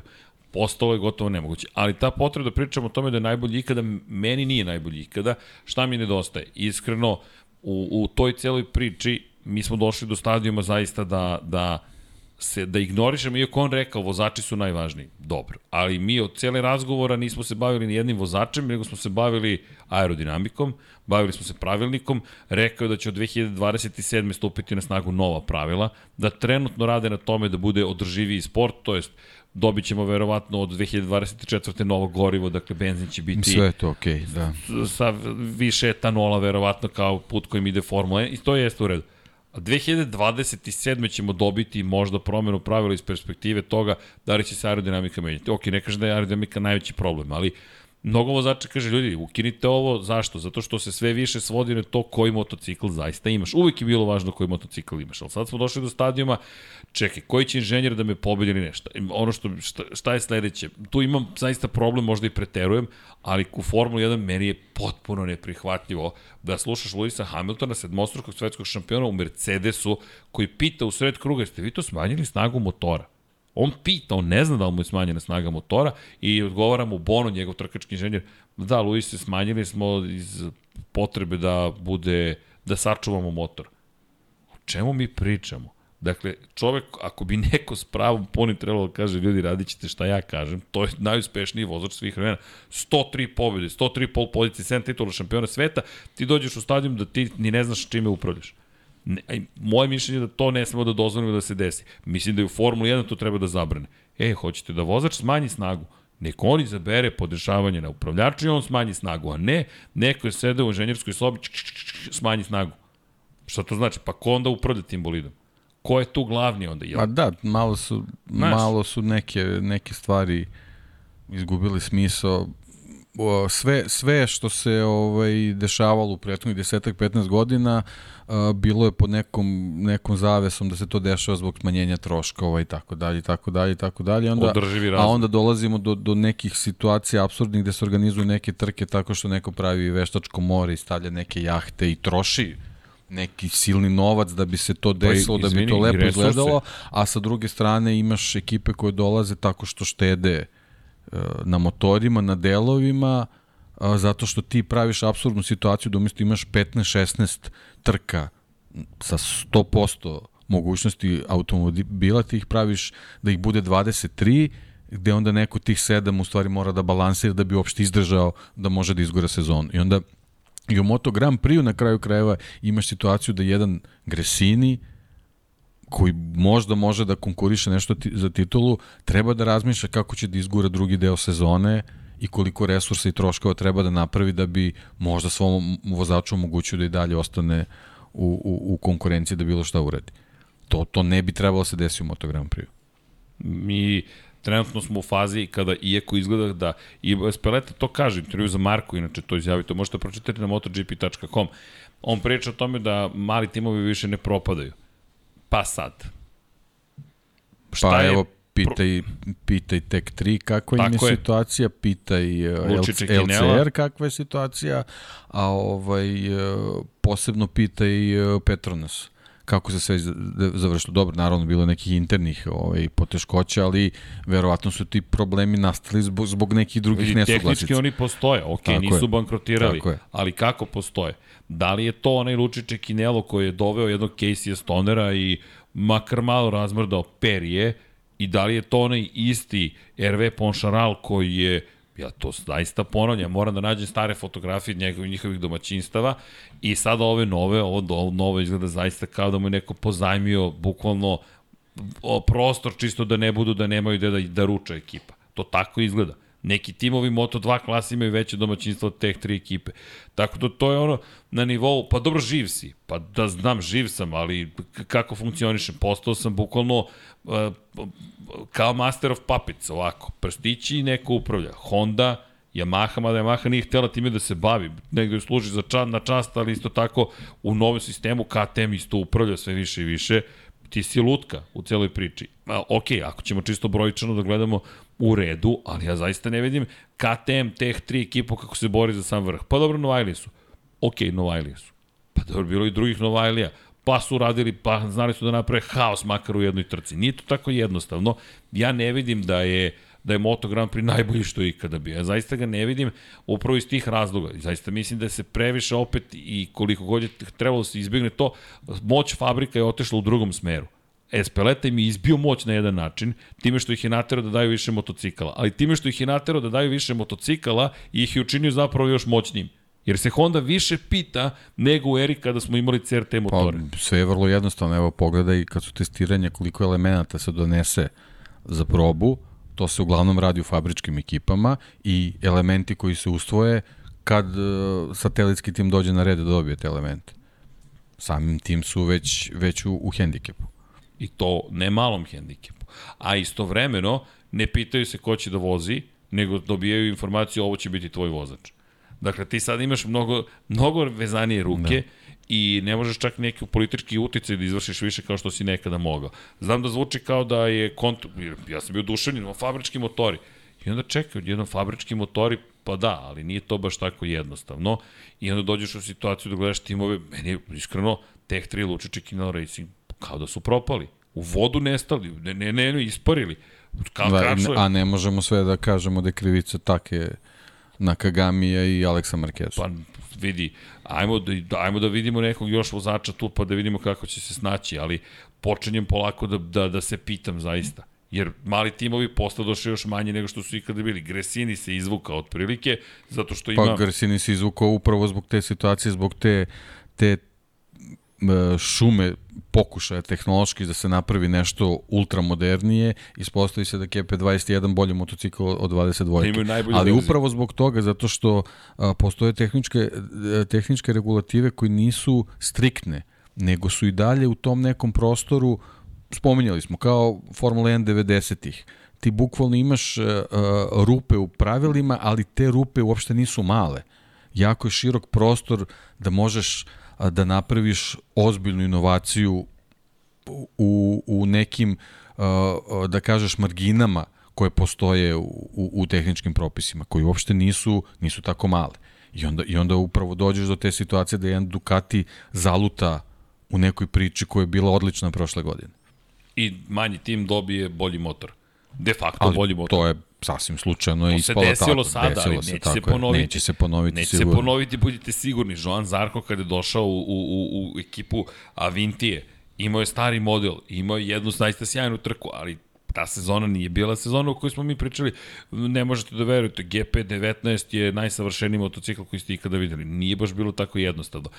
Samo apropo te cele priče, evo, jedna od vesti je da su navodno rasprodate karte za Saxon. Ja se, za, za Saxon, ja se najdam da zaista jesu. To, to bi bile fantastične vesti, kao u Francuskoj što se desilo ali cela ta potreba da se stalno nateže neka priča. Ljudi, dajte da vidimo vozače kako se razvijaju, dajte da dobiju zaista priliku da budu ono što jesu i smanjite taj korporativni više da. imidž koji se gura Pa neprekidno. daj, ali i to ako se dešava to sa, sa, sa tim velikim brojem fabričkih motocikla, hajde da budu što u tim nekim osnovnim performansama koje ekipe dobijaju.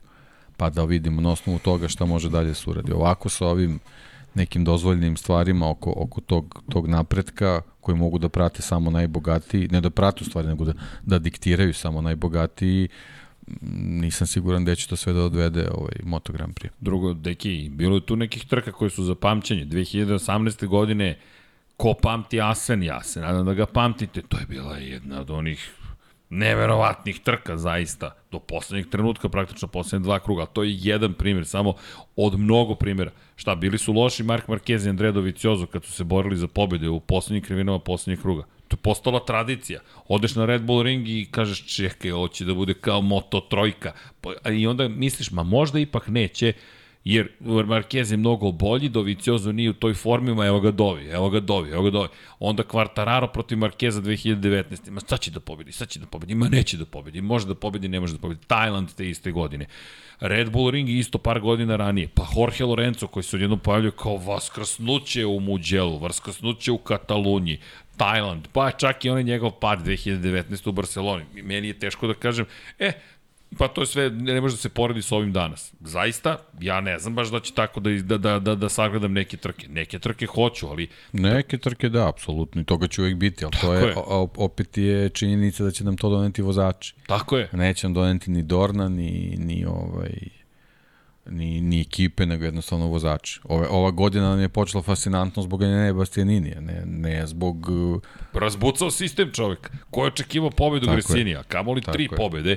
I onda kada gledaš njegove triumfe, kažeš, ok, bajke su Da. moguće. A sad ako pričamo moguće. o organizaciji, ako ćemo sad ulazimo u neke, neke sitne detalje, e, sećaš se COVID godine i nespremnosti Dorne i, i, i, i, i tog nesrećnog kalendara koji je organizovan i dve trke u Herezu, gde naravno ne, ne, ne, ne, 70, što ne možeš bilo. da optužeš, ali mi smo na tim trkama ove, ostali bez Marka Markeza praktično. De facto smo ostali. Tako Dobro, da ima sa tu mnogo okolnosti. splet okolnosti, apsolutno, ali taj splet okolnosti je ovaj uh, iniciran time što su te trke organizovane u to vreme kad su organizovani i na, i na taj način kako je to sve krenulo i tako dalje i tako dalje, ali to je samo jedan detalj vezan, vezan za, za tu organizaciju, onda sledeća sezona bez backup kalendara i tako dalje i tako dalje. To su neke stvari koje trebaju ovaj da da ovaj budu na, na, na, na tapetu Dorne, da se te stvari ne, ne ponove vezane za organizaciju, onda naravno da se uđe u pravila i tako dalje i tako dalje. Ne prepustiti uh, bogatstvo Ducatija ili KTM-a ili ne znam kome da diktira ovaj taj tehnološki razvoj na osnovu koga ti kažeš da je to nešto najbolje ikad. A ti Pa. u principu nemaš neki specijalni ude u tome upravo zato što si ostavio mnogo velike rupe u pravilima. Da, izlazi ti jedan proizvođač, ti izlazi iz šampionata, ti kažeš, ma nikad nije bilo bolje. Čekaj, stani, kako može da bude nikad nije bilo bolje ako ti Suzuki odustao od daljeg takmičenja? A pritom desio se trenutak da ti čak nisi znao uopšte će ti otići. Pride taj moment, kao šok i onda šta ćemo sad? Reci da dolazi još neko. Ko dolazi? Evo Ja da ne da znam. kažeš zašto je otišao. Ne, nego se pravimo kada se to nije ni desilo zapravo. Ne, ne, sve je super. Meni uvek to brinu te rečenice kad vidiš da nešto nije super, a niko neće se suoči s tim. Kaže, ok, to je težak udarac za nas, žao nam je, da, Moto Grand Prix će biti siromašni za Suzuki, to nije mala stvar, ali bilo je teške godine, izdržat ćemo, idemo, guramo dalje, imamo super neku novu generaciju vozača koji se grade, oni tek treba svoje, svoje zvezde da popale. Mark Marquez se operisao, ko zna, možda on dođe sledeće godine i kaže, e, aj sad da vidite isto bajkovitu priču. Čovek koji je bio ranjen, propustio tri godine, može se bori za titulu. Ja mislim da to svima mnogo zanimljivije nego priča, znate kakva su nam krilca za ovu godinu. Da, ne znam, sveže pečena. Mislim, aman, zaman. Da, ne sme da se izgubi. Ja obožavam tehnologiju. Deki, ti znaš koliko ja volim sve to. Ali, na kraju dana ljudi su najvažniji. Najvažniji taj je Nea Bastianini, Fabio Quartararo. Magija Fabija meni bila impresivna u Francuskoj. Magija Fabio i u, i u Kataluniji. To ti je zvezda koja ti je potrebna i voleo bih više tih ljudi sa stavom. Sviđa mi se što je Nea ima stav. Pa i Martin, e, ne vozim fabrički motor, ma neću da vozim uopšte za vas. Ima da dobijem fabrički motor ovako ili onako. Meni je potrebno više toga, iskreno, i imaš jake ličnosti. Marquez jaka ličnost, Jorge Lorenzo jaka ličnost, Casey Stoner jaka ličnost, Valentino Rossi jaka ličnost, Daniel Pedrosa na svoj način veoma jaka ličnost. Pet takvih ličnosti. To su ličnosti. Pa upravo to, pa evo i za, za ovaj, na kraju krajeva za sledeću trku. Mi smo pobrojali veliki broj vozača i zašto trka u Zakseningu ovaj, ne bi bila interesantna, znamo da će biti, a eto sam si rekao, jedna dolaze do 300 km na sat znaš, je ti potrebno da ideš 370, pa možeš da imaš ne, jednu jeste, stazu. naravno, jeste zbog utiska, jeste, jeste. zbog, zbog ali, nekih novih gledalaca koji dođu pa se zaljube u sve to ali, i tako dalje i tako dalje. Ne moraš da težiš samo tome, ima drugih Svako stvari. Svako ko, ko dobije mogućnost da, da dođe u Barcelonu i, i, i, i stane uživo na ono kočenje kod prve krivine. Padne u nesvest manje više. To je kraj priče. Sve, sve to stoji, apsolutno, sve to u redu. Juče sam pričao, pa izvini, na futbolu smo bili malo, mi sad skupila se grupa komentatora i igramo futbol, Pa, dalje to futbol ili neko kretanje po travnatoj površini, to je druga stvar, ali jedan od komentara je bio, odzvanjala vam je kabina u Barceloni.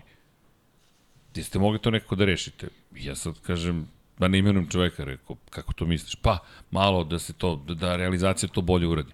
Rekao, mislim da ne razumeš šta je odzvanjalo. Rekao, to je odzvanjalo i nije, nije me razumeo na, na Kecer, ne može da veruje.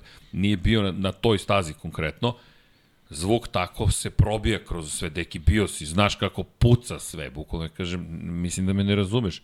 Zvuk probija kroz kabinu. Džanki i ja se nismo međusobno čuli, mi smo se gledali da bismo protumačili šta onaj drugi priča, zaista.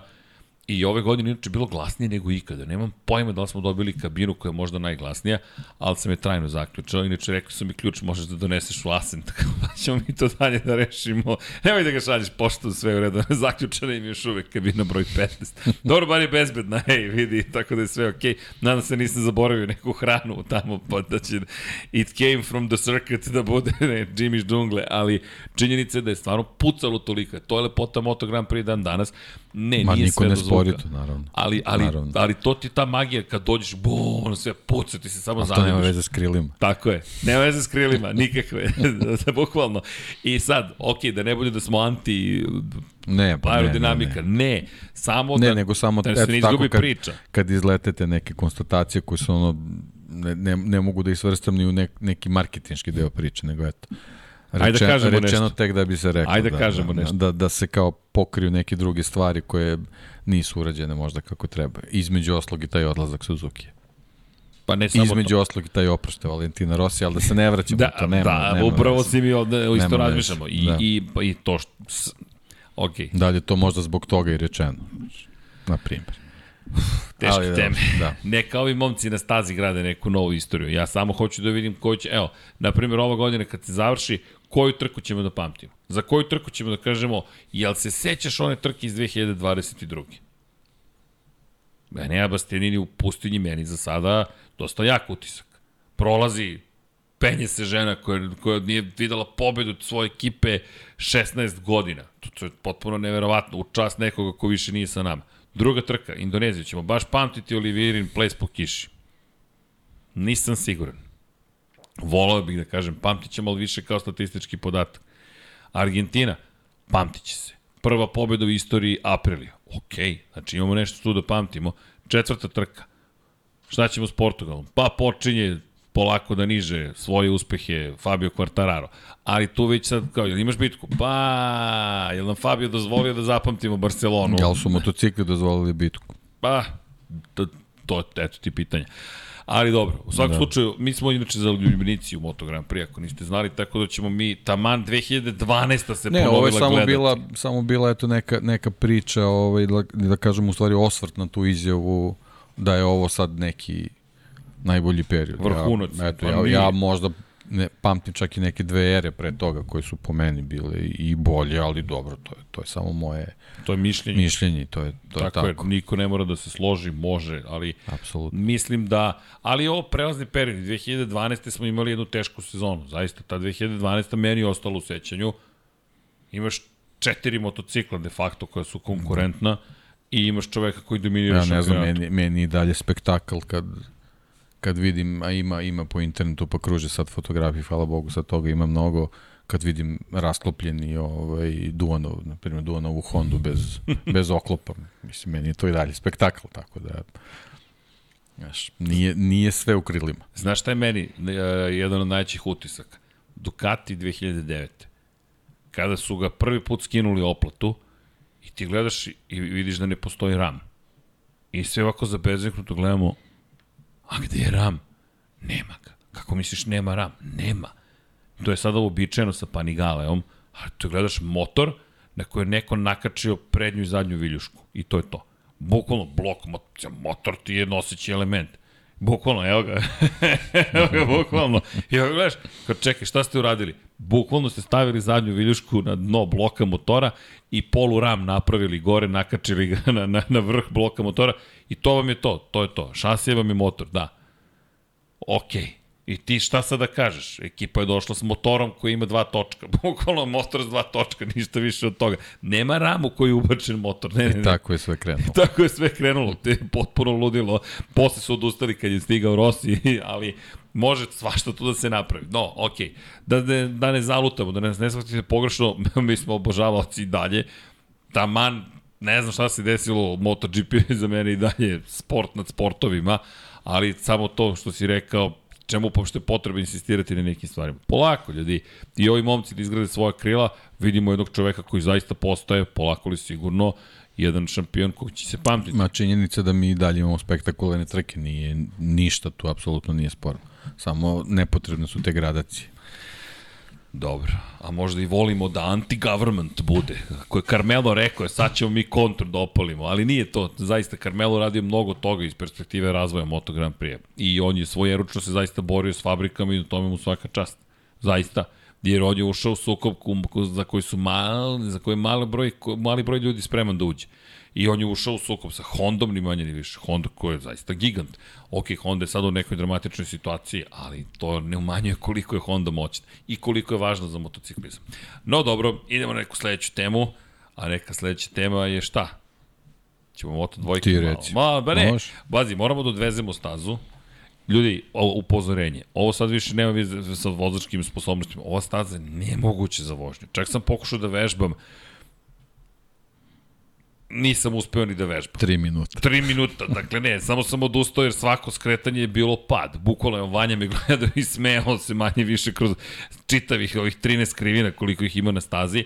Nemoguća misija, jednostavno ideš od krivine do krivine i kažeš ok, ja, ja ne znam kako da se pripremim za ovu krivinu uopšte. Delo je kao da sam u krivini i odjednom krivina postaje još veća krivina i samo motocikl nastaje. Inače, uzem sam Derina Bindera da ispoštujemo Derinov trud na prethodnoj trci, da ne bude samo veliki vozači, veliki timovi, malo da bude ovih drugih. A što se tiče Pedra Koste i priče da je pobedio prošle godine u Moto trojkama, u Moto dvojkama, znaš ko pobeđuje? Aronka, ne. Joe Roberts. Da. Joe Roberts će da pobedi u Moto2 klasi. Dobro, tamo je lepo i zabavno i nemamo pojma, će Restino Vijeti da li će se pojaviti u formi iz početka godine iz prethodne trke ili će se vratiti onome što je veći deo evropske forme. Ne bih previše nevljivo, pošto zaista to je na nivou, ajde da se igramo frljanja i nagađanja, ali Moto2 trka mislim da će zaista biti lepa trka. Zašto mislim da Joe Roberts može nešto da uradi? Pa nešto me uveri u ovih poslednjih par trka da tu nešto se desilo u Ital Transu i deluje mi na osnovu prošlogodišnjih vožnji ajde da verujem da ovde može da se, da, da se u Nemačkoj ipak desi nešto baš pozitivno. To je neko moje mišljenje. Sad, naravno, to je samo mišljenje, ništa drugo od toga. Prošle godine, kao što si rekao, Gardner je baš bio uf, brz, Kane je bio na drugoj poziciji. Beceki, Beceki bio na pobjedičkom postolju. Ili Diđa. Beceki i Diđa su bili Da, u vrhu. Be, Beceki bi trebalo da na... Čekaj, sad ćemo da proverimo. Na, u stvari imam ja ovde to. Beceki bio na trećoj poziciji. Da. Beceki pa Fabio Di Gian Antonio. Pa, to ono da, što si Sam rekao. Lowe je bio peti, jako blizu, da. Eto, Jeste. To je to. Je to. Eto, pa da vidimo. Marcel Schroter možda opet stavi neku tvrđu gumu. A, vidjet ćemo da li ćemo uspeti. I naravno standardno moto trojkama, ja mislim da se nastavlja bitka između Izana Gevare, između naravno čoveka koji, s kojim deli garažu, Sergio Garcia da, deluje pa sjajno. nekako su I izdvojili generalno. Nije, nije to sad kao neka velika razlika, ali su se izdvojili. Jesu. Bukvalno ih imamo u svakoj trci obojicu. I ovaj čovjek, to jest nije kaciga, ovo je Lorenzo Dalla Porta, ali opet italijanska zastava, pa da vidimo da li će u Leopardu, mo, jer sad je neophodno vratiti se u igru. Sad je zaista neophodno vratiti se u igru. Što se tiče Moto2 šampionata, samo da ga ne preskočimo tek tako, zaista je veoma uzbudljivo. Iz perspektive bitke za titulu šampiona sveta, potpuno otvorena priča i hvala, hvala inače Dragoju Stanišiću na ovome, Ćelestino Vijeti, Ajo Gura, Aron Kane, kako stvari izgledaju. Ćele koji opet od- odskočio na prethodnoj trci, ali ako pogledaš, tu su. 23 poena ih deli i nisu veliki zaostaci. Ajo Gura, skeptičan sam, Kane, trebamo ta čuvena pobeda, ajde, valjda će se jednog dana desiti na najzad, na prethodnoj trci samo podsjećanje radi druga pozicija za Kanea, pobeda je bila za Celestina Vijeti, a na trećem mestu završio Augusto Fernandez. A Augusto ne isključujemo iz potencijalne bitke, ali zaostaje 37 bodova, tako da je tu dosta velik zaostatak za Augusta Fernandeza.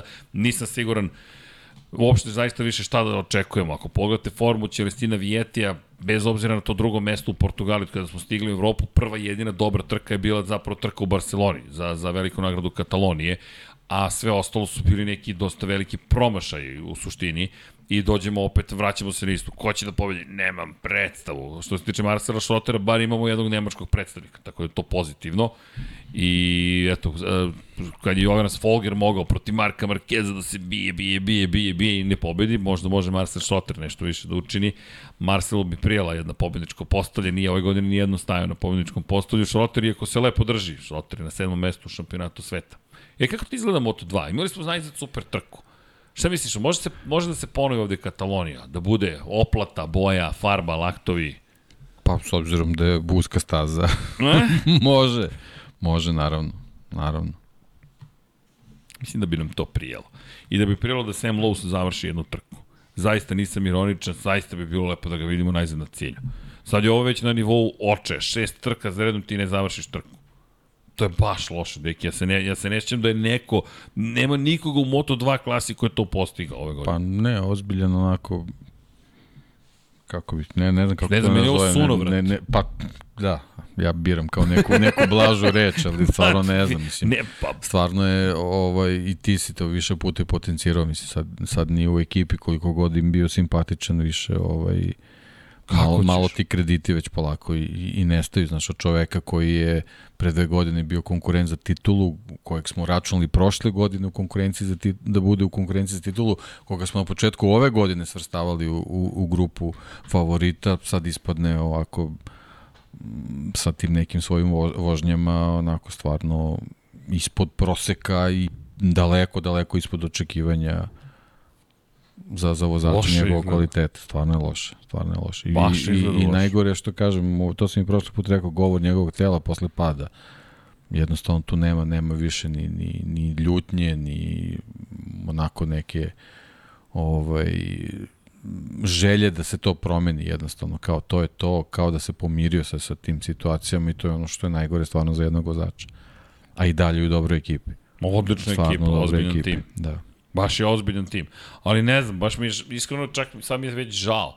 Da to je na jednom ljudskom nivou. Čovek koji, Ne, on je stvarno bio šampionski potencijal i ništa. ba, do, Eto, to to. ništa. Čak nije ono, ono što, što, što sam ja i poželao da postane neka, neka Moto2 legenda, ako ništa drugo, ako, ako ne dođe ovaj, To. na, na, na, na, taj, na, na tu konačnu stepenicu, ali jednostavno ovako je stvarno onako ulažiš u prosek, a, dalje to vodi ka zaboravu i to je onako stvarno stvarno teško za, za čoveka koji ima, ima sve kvalitete. Ne znam, iskreno mi je žao. Volao bih da se to desi, ne šalim se, da završi trku. Ne mora ništa drugo da a, a uradi. ove male ajkule dolaze. Čuj, do, to je- čuj, čuj, dolaze, To došle je, su. ovaj, to je onako neminovno. Pa i ne samo to, te aj, ajkule koje stasavaju u moto trojkama, neće dugo da više gube vreme u moto dvojkama. Ondžu će im stići sledeće godine, Fođa gotovo sigurno stiže, neće Fođa odjednom biti spori, da, ima pehove Fođa, kvar motora je jedna velika greška. Denis Fođa inače na 55 pojena za ostatka u Moto trojkama, samo da, da se zna gde je, gde je daleko. Da. Garcia i Guevara, pitanje je godine, da. Guevara, Masija. Masija isto. Đaume je ove godine ok, nadam se da se sad već oporavio da. od ovog incidenta. Da, da, i njega trebamo, ja baš i njega onako pratim već nekoliko trka sa željom da uradi nešto više i evo ponovo i on je ovde u ozbiljnoj konkurenciji da nešto uradi. Vidi, i, i, i, Ayumu kada se oporavi sa Saki, bit će ponovo brzo. Da. Meni se to, to su sve imena koja... Ne znamo McPhee gde je, isto. Da, da, John McPhee, to je, da, to je čudna priča. I Tatsuki Suzuki koji je jednom baš dobar, konstantan, dva pobednička postolja za redom. Tatsuki da. se odjednom pojavljuje kao vozač Vidiš, da, on ume da se gura. Ume da se gora. Počeo je da da se lakta i da i ne samo to, pehovi koji doživi tokom trke da se izbori. I sad svi oni će ti stići u Moto2 Samo klasu. se ogura, ne gura. O, On je gura. fin, da. Pa da, o čaj, kada se kaže na, na japanskom, zapravo to je sveti čaj, to je o, o kao, to je pošto u dubokim poštovanjem. Dakle, da li možeš da se oguraš malo? Da, da. S dužnim poštovanjem. Ok, deki, otišli smo u banalizaciju. O, Dobro. ludilo. Dobro. Dobro, ali svi oni će ti stići u Moto2 klasu. I sad i možeš da, da biraš. Da, da, da znaš, svi će doći. Ali dok ne dođu tamo, to su svi ljudi koji će se boriti za pobedu i ovde sad šta možemo da očekujemo. Zapravo čak i ovde možemo da očekujemo neko da pobegne. Takve konfiguracije staze da može da zbriše. Toliko ima krivina, može, ne kažem da hoće, ali toliko smo se već ove godine navikli. Pazi, neki mi kada pogledamo, Da, staza za dobar ritam. Da, to si, to si ovo dobro primetio. Jel, čekaj, nešto sam pogrešio. Nemačka je deseta trka. Da, Nemačka je deseta trka ove sezone. Nije deveta. Sad je polovina sezone. Što još važnijim čini zapravo nastup u Holandiji. Holandija će biti 11. To znači da ti ostaje samo 9 trka posle da sustigneš kvartarara. Izvinjavam se, ja sam pogrešio. Znači imaš još manje vremena. Ove dve trke su toliko važne u sve tri kategorije. Pa bit će ludnica u Nemačkoj. Nije ni čudo da, da se svi spremamo. Ja, ja iskreno nekako sada ove dve nedelje kao da, kao da se sve utišalo u Moto Grand Prix. Bukvalno kao da se Koja je utišalo. nemačka trka po redu? Deseta. 2, 4, 6, 8, 10. Deseta. I poslednje ostaje 2, 4, 6, 8, 10. Tako je. Što znači kada se završi Asen, 11 gotovo, ostalo još samo 9. I ako ti sad napraviš iskorak, bit će napeto. Biće napeto, a duga je pauza. I onda povratak je u Silverstonu, koji je brz. Silverstone je baš brz, ta dva ili četiri točka baš je brz, a onda ništa manje brza Austrija. I onda pobjeda za Eneo Bastianini u Mizanu, dobro, to upišite, Mizano Enea, pa onda Aragon, Aragon Peko. Peko, pa onda Japan, Japan, vraća se Markezi pobeđuje. Da, moguće. Vraća se Marke... Koleginici iz prode mi se smeje u lice. Vraća se Mark Markezi pobeđuje, upišite to tamo. Tajland, Fabio. Australija, Dobro. Fabio. Marquez. Markezi ipak. Dobro. I onda Malezija. Fabio. Fabio, dobro. Valencija. Jorge Martin. Može. Ali ko pobeđuje u Austriji? Koji Ducati pobeđuje u Austriji? U Austriji pobeđuje Rins, a u Silverstonu Opa. pobeđuje Aleš. E, može, ali što to baš ima smisla. To baš, ok, eto prognoze. Ko je rekao da mi ne prognoziramo? Evo, prognoza šest meseci napred. Pa da vidimo, ovo neko mora da zapamti. Vanja, zapiši tamo u time kodove. A, najava kompletnog se, kompletne sezone. Pa posle da se smejemo sami sebi. Kako? Ne, pa može. Pa da, tako, tako. Pazi, nije, nije kockanje ako staviš 10 evra na ovo. To je, Ne, to se to je drugačije zove. sitan, sitan to se drugačije zove, ali okej. ali okej, okay, dobro. Ha, po, po, ponekad mora čovjek i tako da se ponaša u životu, to je sve u redu. Ali, da, uh, čekaj sad, kad sve ovo provrtimo, inače Moto E nam se vraća u Asenu. Moto E se vraća u Asenu, dobro, to ćemo nekom drugom priliku. koliko da kruga vozi tamo? I Tamo ne će biti potrošnje ozbiljno. Biće potrošnje ozbiljno, da ovo nema, nema pošto gas. Dobro. Ako su to smislili, super. Inače, e da, evo, evo ti pazi pitanje. Kada uzmeš u renta karu električni automobil, kako ga vraćaš? Pune baterije ili ne? Pa ne znam da li je to bitno uopšte. Ne, sad ozbiljno da, pitanje. Si me, ne znam. Iskreno ja, meni priča sa, sa, sa Davidom Emetom, on vozi sad električna kola. Ne, dobro, ti si to ovaj, rekao kao neku činjenicu, kao kad uzmeš, zašto bih uzeo električni auto? Pa to ti kažem, Da. e, e, na parkingu smo i dolazi Emet u električnom vozilu, električni automobil. I ja ga pitam, elektro, Kaže, da, počeo sam da vozim elektromotor. I kaže mi, da sam u renta karu, moraš da ga vratiš punog. Ja ga gledam zbunjog i sad razmišljam, stvarno moram da odem, da stojim dva sata da napunim da bi vratio punog, pune baterije. Ispostavilo se da ne moraš, samo ga vratiš, zapravo neće da ga nap... Ali zamisli No, bizarnost. tamo stoji na punjaču. tamo stoji na punjaču, ovaj, bukvalno voziš i sad kao, vraćam, ali niste napunili bateriju. ja sam, Davide, nije mi to palo na pamet u životu, ali eto, to su, to su nove stvari koje čovjek nauči uspod. Sad ću da uzmem električni automobil tamo u Asenu, pa kada zagledamo na 80 km od Asena, razumeš, bit će Zvezdice, džanki, ajmo, gurka, idemo, o, ravno je. Šalim se, ubili bi me. Ali dobro, nadam se da neće. Elem, hoćemo da vozimo jako može da se gura. Ba, pa ovo gura. ne može da se gura, naravno, ali dobro. Deki, moraš da budeš precizan. Da. Stvarno je, stvarno ne mogu da verujem. Vanja, hoćemo jedan flying lap Saxondringa. Da pokušamo da bude leteći. Nadam se samo da neću zaista leteti. Are you sure you want to restart the current session? Da, e, nema zvuka. To, Vanja, daj neki zvuk. Neki grozan ću biti. Odmah upozoravam publiku.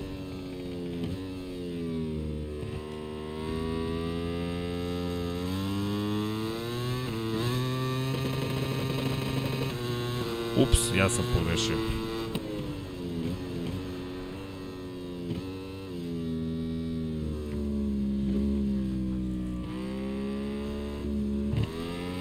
Već su mi poništili krug.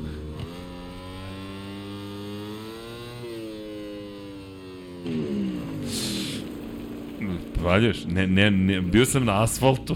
bio sam na asfaltu. Ovo je treće, inače. U, ostao sam na točkovima, čekaj. Čekaj, ovo je treća krivina. Tu inače gore u krošnji drveće sakrivena je kamera. I sad ovo je vrlo zahtevna krivina. Obratite pažnju na krivinu, ovo sad skretanje. Gotovo, dobro, nemoguća misija. I sad onda... Ne vredi. E, Čim nisam ušao savršeno u krivinu, to je kraj. Ljudi, ovo je savršen pokazatelj koliko je ovo teška staza. Ovde kogod zna da vozi ne respekt, ovde se oni pretiču, napadaju se. Ukoči! Dobro. Dobro, bar je kratka staza, vidi. to, je, to je neka uteha. Brzo će biti gotovo. It will soon be over. Ne! Ne, ne, ne, ne, ne, ne, ne, ne, ne, ne, ne, ne, ne, ne. Opa, oho, ostao sam na točkovima. Evo ga još malo pa vodopad.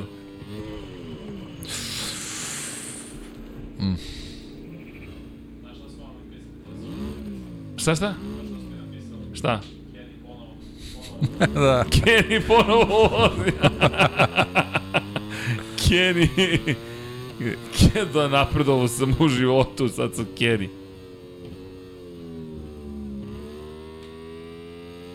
Podržava me publika, makar sa tribina. Viču, uhu.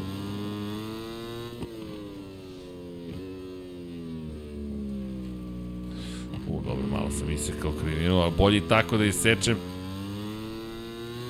O, ho, ho, ho, ho, ho. Bolje, bolje, bolje, bolje, bolje, bolje, bolje.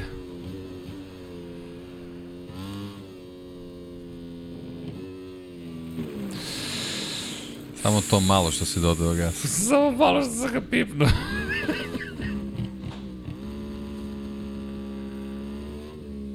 E, tu je Dani Pedrosa završio bitku 2014. godine za titulu šampiona sveta. Dobro, bar je pokušaj segmenta.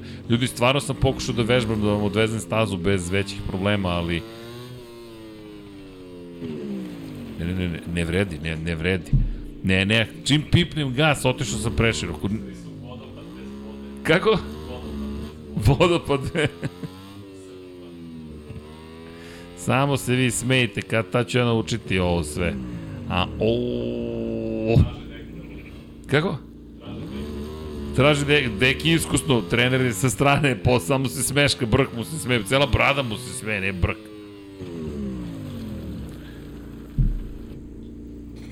Ok, ovo je nemoguće. Vanja se ne smeje više, Vanja se sadrži za glavu, bukvalno. Kako? Šta do Derena Bindera je? Pa neće biti, dečko, s ovim nema zaista nikakve veze.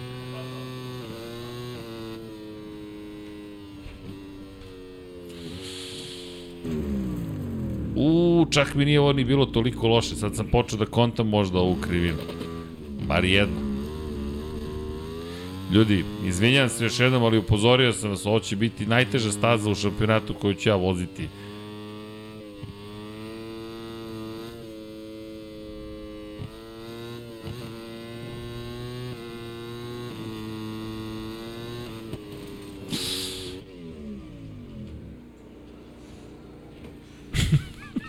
Gledam, Jadan Derin. gledam Vanju, gledam Vanju, i pokušava da se suzdrži, ali, ali mu ne ide, ali mu nikako ne ide. Evo još jedan krug i mislim da smo završili.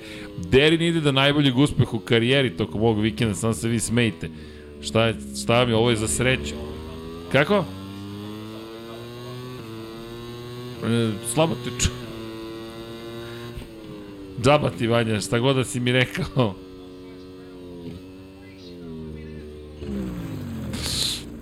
Za dalje moguće. Ajde neki predstavnici se smeješ, uopšte to više nije u redu. Ne primetio sam da nam se poveća broj gledalaca u live-u kad voziš, ne znam zašto. To je To najbolji mi tek segment. nije jasno, da. Kenny ponovo vozi. To nam je nova majica. Kenny rides again. Dobijaš i lajkove, to, to je u stvari pozitiva celo. Subscribe, drugari. Čekaj, sta da promovišem. Kupite knjigu.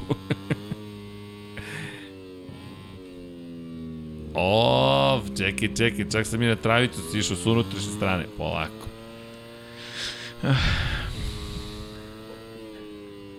Coach.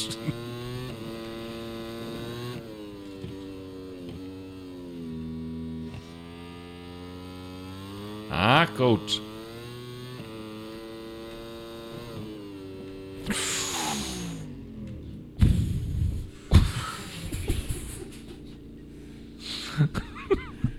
neprijatno mi je sad bilo, iskreno. Znam da je igrica, mi je bukvalno bilo neprijatno.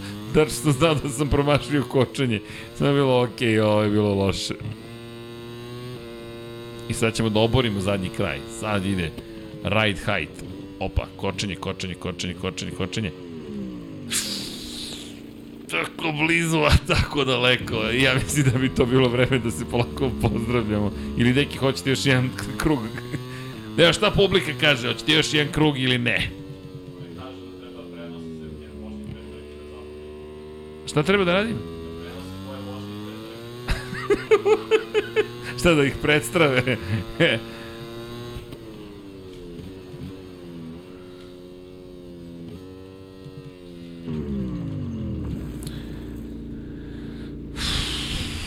Ovo prva krivina, hoću li je ikad proći?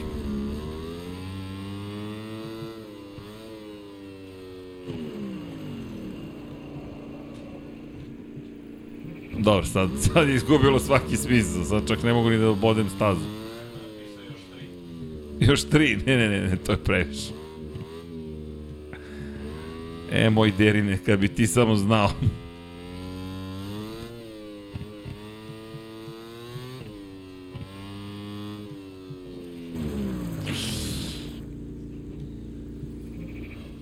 Nema pipanja gasa.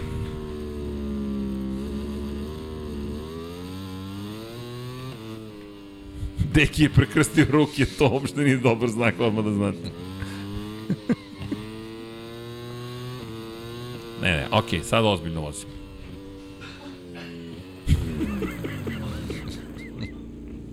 Odlete mu telo gore van ekrana. Grešni derbinder. Ne, okay, aj završimo krug i parkiramo Yamahu. Ne to zato što je prošlogodišnji model, inače bi to sve bilo u redu da je da je najnovija verzija Yamahe. A? Deki vozi, pa te Deki hoćeš da... Ne, ne, ne, ne, ne. Deki je previše iskusan za... Ja sam naivni slikar.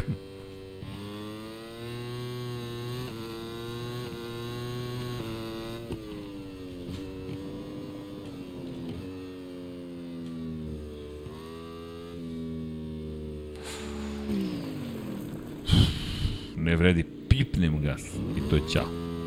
Ljudi, ovo je ubedljivo najteža staza u šampionatu sveta. Ko pobedi u nedelju svaka mu čast, apsolutno.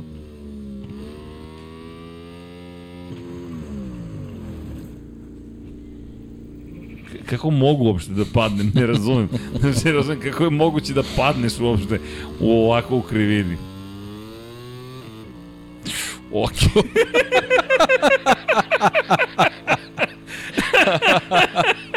Ovo je znak.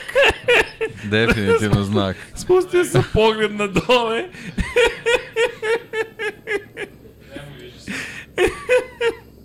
Da, vidiš, ovo je neki sledeći korak da ovladio grafikom. Ovaj kombinezon suviše novo izgleda.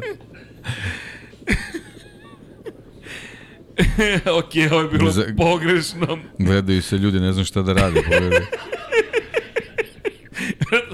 Može neko da ga Baš skloni- tako izgledaju, pogledaj. tako izgleda, Može neko da ga skloni iz garaže. A on koji je šokiran, šta sam ja preživeo danas? Zašto? Čemu ovo sve? Mogu li da raskirem ugovor? ne dozvoljam da se moj lik više koristi u igricama. A vidi ga razno razali. E, šta se desilo? Ko je potpisao ugovor sa njim? Johan Stigefeld. Ljudi ti doniraju novac, čak, pogledaj čoveč. Hvala.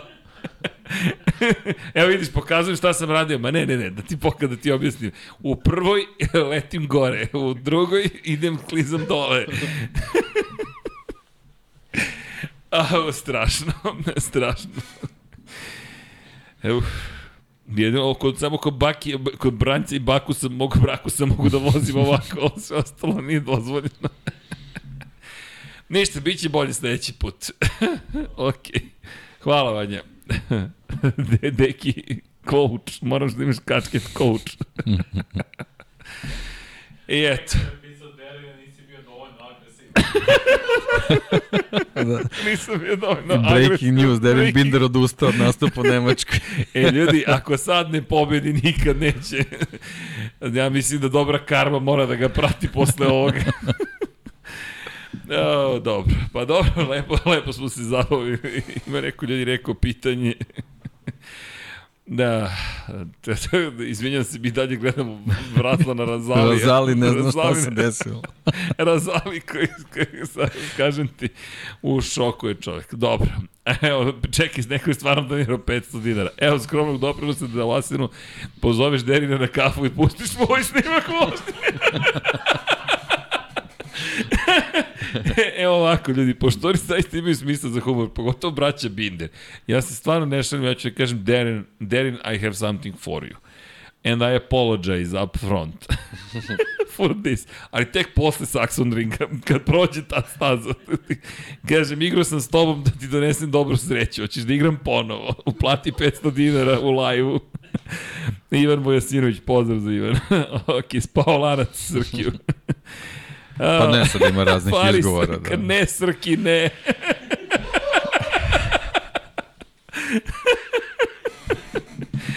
O, strašno.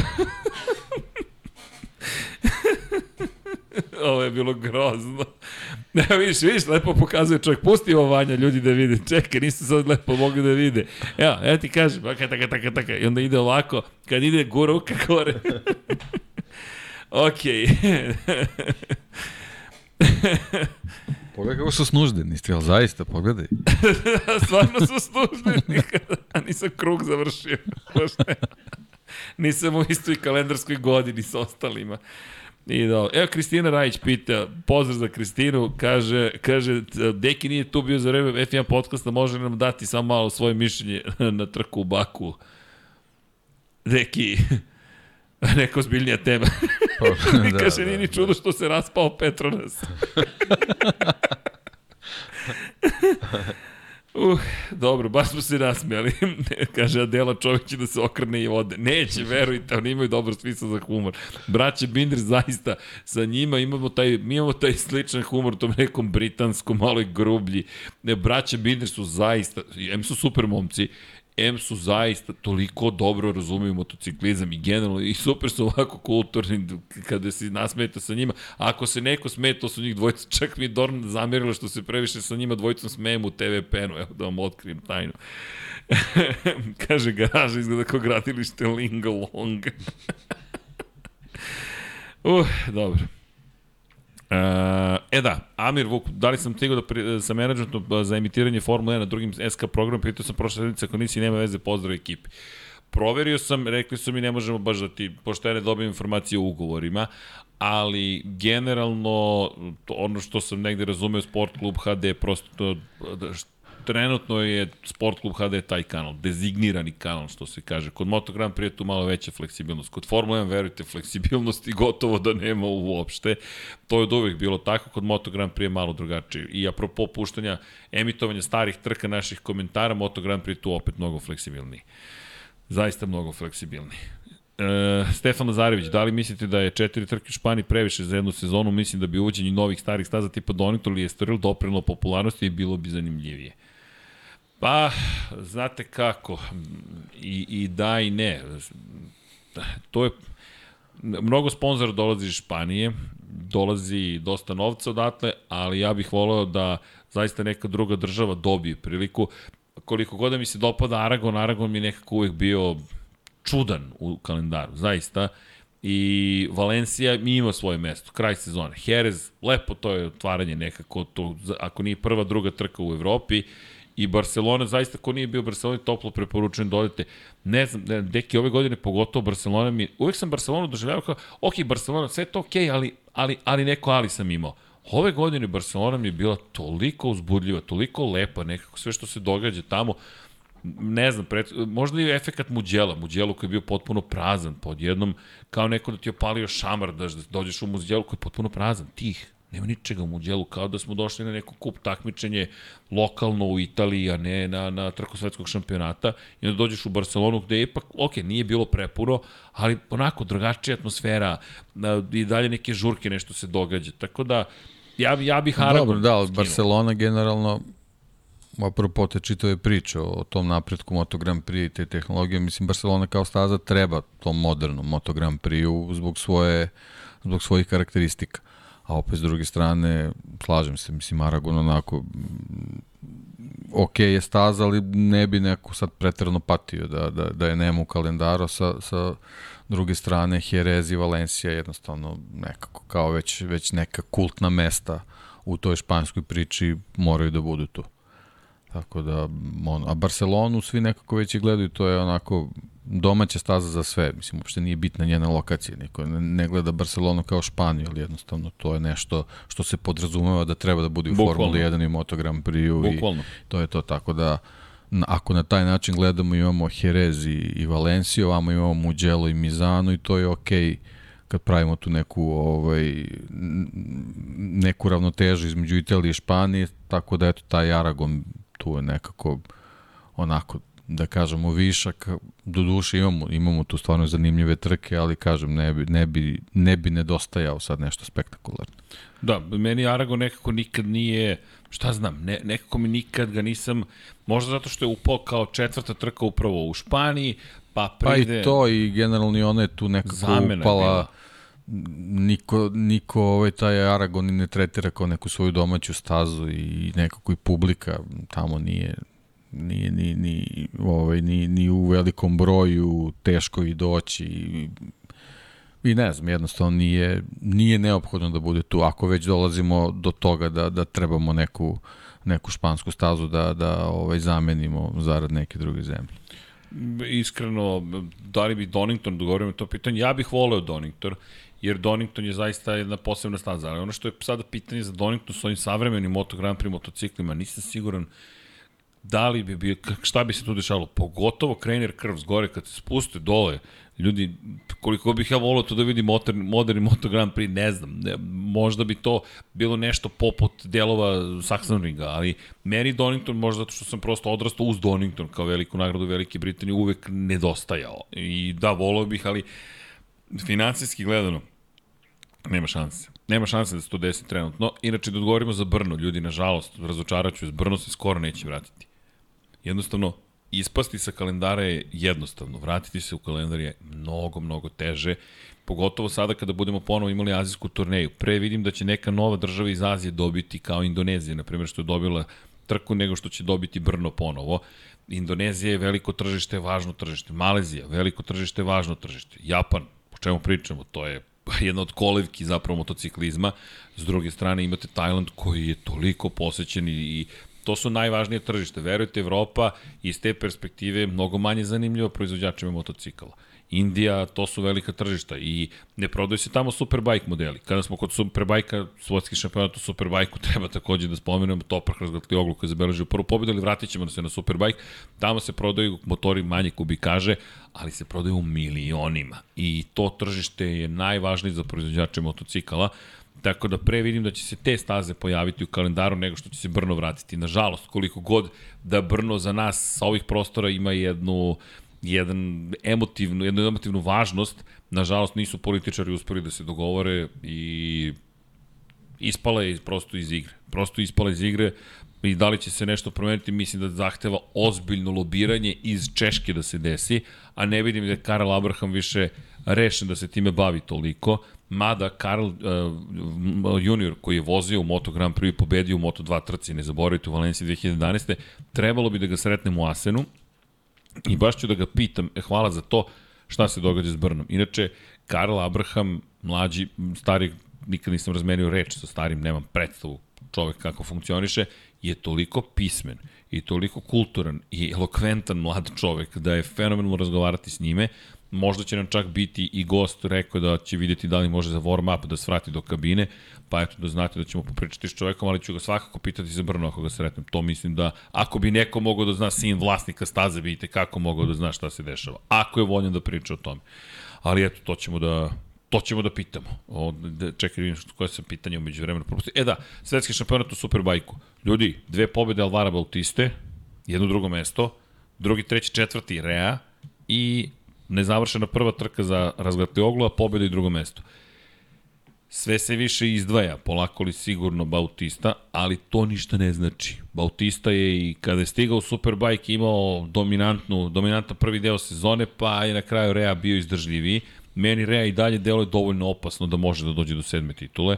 Mi deluje mi na, liči mi na njegovu sezonu. Okej, okay, nije možda moj vikend, ali ja ću da skupljam moje poene i onda će opet da dođe neki moj period Makar da, jedno što je prvi put možda pokazuje tu neku i nervozu i to je nekako, Ove to sezone... je nekako neobičajeno za njega. Eto, to je nešto što možda može da se, da se doda na čitavu priču, ali, ali ima tu još mnogo da se vozi, ovaj, tako da, ali generalno ako, ako bi se na taj način nešto delalo, ovaj, za ovaj trkački vikend Toprak i Bautista su dobili dosta re, onako, bez obzira što su bila dva podijuma, onako, mora da, mora da, da se više koncentriše ovaj, u nastavku sezone. Da, i prvi put da se desilo ove godine. Ali definitivno će biti teško. Da, da, znači, bi, nikako, teško. Nikako ovaj, da, da, da se tako lako ponavljaju to što kažeš. Jedan loš vikend, pa sledeći super, ovoga puta biće teško. Ma, inače, Michael ili Mike, Michele, Ruben Rinaldi, da. kako god želite, bio zaista dobar i prvi put ove sezone se desilo da jedan vozač koji nije ili razgatli oglu, ili Rea, ili Bautista dva puta bude na pobedničkom postolju u tri trke. Do sada smo imali da. Lekonu koji je jednom da, dobijamo Lekonu, da, i, da, i sad je bio solidan, tako Solidan. da dobijamo i njegovom šampionatu. To je, to je super, to je ono što smo pričali za, za, za te vozače iz Moto Grand Prix-a ovaj, može, može dobro onako pozitivna terapija da bude odlazak u, u svetski superbike. Jednostavno to je mesto gde možeš da pokažeš koliko si zaista brz jer Moto Grand Prix je izuzetno zahtevan, kao što smo i pričali, i po pitanju vožnje, i po pitanju tima, i po pitanju ekipe, to je ekipa motocikla koji koristite, ovde malo više može vozač da dođe do izražaja i to se nekako vidi, to je lepo videti, zaista. Inače, Max Bjađi je seo ponovo na Superbike, Ljudi, bio je dve sekunde sporio od rekorda staze u nekom treningu čovjek koji ima 50 godina i više i je seo i onako lagano odvezao jedno popodne i kad si brz, kad ti je brzina u krvi, to mi Goran, drugar naš, šalje. Kaže, pogledaj ovo, dve sekunde od rekorda staze. ne znam ni šta da kažem, čovjek je za... Zaista su legende motociklizma. Max Bjađi jedna od njih, ali eto da, da ne zaboravimo svetski šampionat u Superbajku, prosto, eto, verujemo da, da treba spomenuti, nažalost ne pratimo do te mere kao što pratimo druge discipline, pre svega Moto Grand Prix, i da napomenem u supersportu, apsolutna dominacija Dominika Egirtera tamo, ne znam ni šta bih rekao, tamo imate tri čoveka isto kao i u Superbajku, to malo postaje, neću da reći problematično, ali niko ne ugrožava suštinski Egirtera. Lorenzo Baldassari je večno drugi, Nikolo Bolega je stalno treći i tako vam izgleda stanje u šampionatu. Do sada, u prvih osam trka, sedam pobjeda Egertera jedno drugo mesto. Baš je potpuna dominacija, a on usput vozi i Moto E šampionat. I onda se pitaš, ok, šta će biti? Pa, možemo već samo da vam kažemo šta će biti. Ali dobro. Pratimo inače i Junior GP se je održavao. Ne zaboravimo, Jose Antonio Rueda zabeleže dvostruku pobedu. David Salvador je i dalje drugi u šampionatu, ali Azman Sairufudin je bio dobar, tako da eto, bodite računa o njima kada ih budemo gledali u šampionatu sveta. I Filippo Farioli je novo lice koje je počelo da se pojavljuje. Filippo Farioli, eto zapamtite, to je italijan koji vozi za Aspar juniorsku ekipu zajedno sa Davidom Alonsom, pa eto, ukoliko ste pratili sport klub, mogli ste gledati, bilo je baš uzbudljivo u Kataloniji, staza koju dosta njih poznaje, i u Moto2 klasi Lukas Tulović dva druga mesta, Sena Agius na dva, na dva puta na, na prvoj poziciji, to je zanimljivo, sada to počinjemo da dobijamo bitku između njih dvojice, s obzirom na činjenicu da njih dvojice samo beleže pobede i druga mesta, dakle ili pobeda ili drugo mesto i postoji tu razlika od nekih 25 poena, ali eto, Luka Stulović ispred Sene Agiusa, bukvalno se čovjek zove Sena Agius, čisto da znate, i um, Alex Eskrig, koga pratimo inače u šampionatu sveta, tako da eto, zanimljivo nam je prosto da vidimo zapravo ko će tu biti najbolji, pratimo, i naravno, volio bih da, da, da zaista do kraja sezone bude neizvesno. Inače, Sena Agius dolazi iz Australije, pa eto, pratite dečka. Da, to je stvar zaista je fenomenalno. da, I kad pogledaš i kažeš, ok, dakle imamo jednog, jednog momka koji se zove Sena, inače, apropo majice, čisto da, da, da spomenemo, taj Brazil specijal, ili knjige Put ka savršenstvu Ayrton Sena, našeg dragog dekija potkonjaka. Tako da, eto, da zanimljivo imena i prezimena, pa eto i to smo ispratili. Naš kolega Aleksandar Đankić baš komentarisao tokom ovog vikenda. Simpatično je, Junior GP Formula 1, stalno se tu, tu srećemo i krećemo. Ali dobro. Da vidim pitanja. Eto, produži se misija. Da, inače, Tošić pita, ljudi, jel može kratak istorijati vaše mišljenje o TT trkama? Ja sam prvi put zasvaznao to pre nekoliko nedelja, ti momci nisu normalni. Negde sam pročitao da je prosječna brzina 195 do 200 km na čas. Deki, ako možeš samo da uzmeš reč na kratko, pokazat ću vam koliko nisu normalni. Uno momento. A šta, šta treba, treba nešto se doda ili? Knjiga... Reci. Dena mi Rossi, knjiga. Evo je. O, a, Hvala, je, okej. Okay. Dena mi Rossi, slep pored očiju. Čekaj, valjda neće ništa pasti. Evo da vam kažem šta je Valentino Rossi rekao za njih. Možete vi da saznate ukoliko kupite knjigu. Danas smo se hvalili, nešto smo pričali sa našim komšijama. A čime se vi bavite? Svim i svačim. Elen, sad ćemo da nađemo gde su. Da vidim samo koje poglavlje je u pitanju. Teka, teka, teka, Valentino Rossi. Kako biš 168? e, čekaj, čekaj, čekaj, propisno. Aha.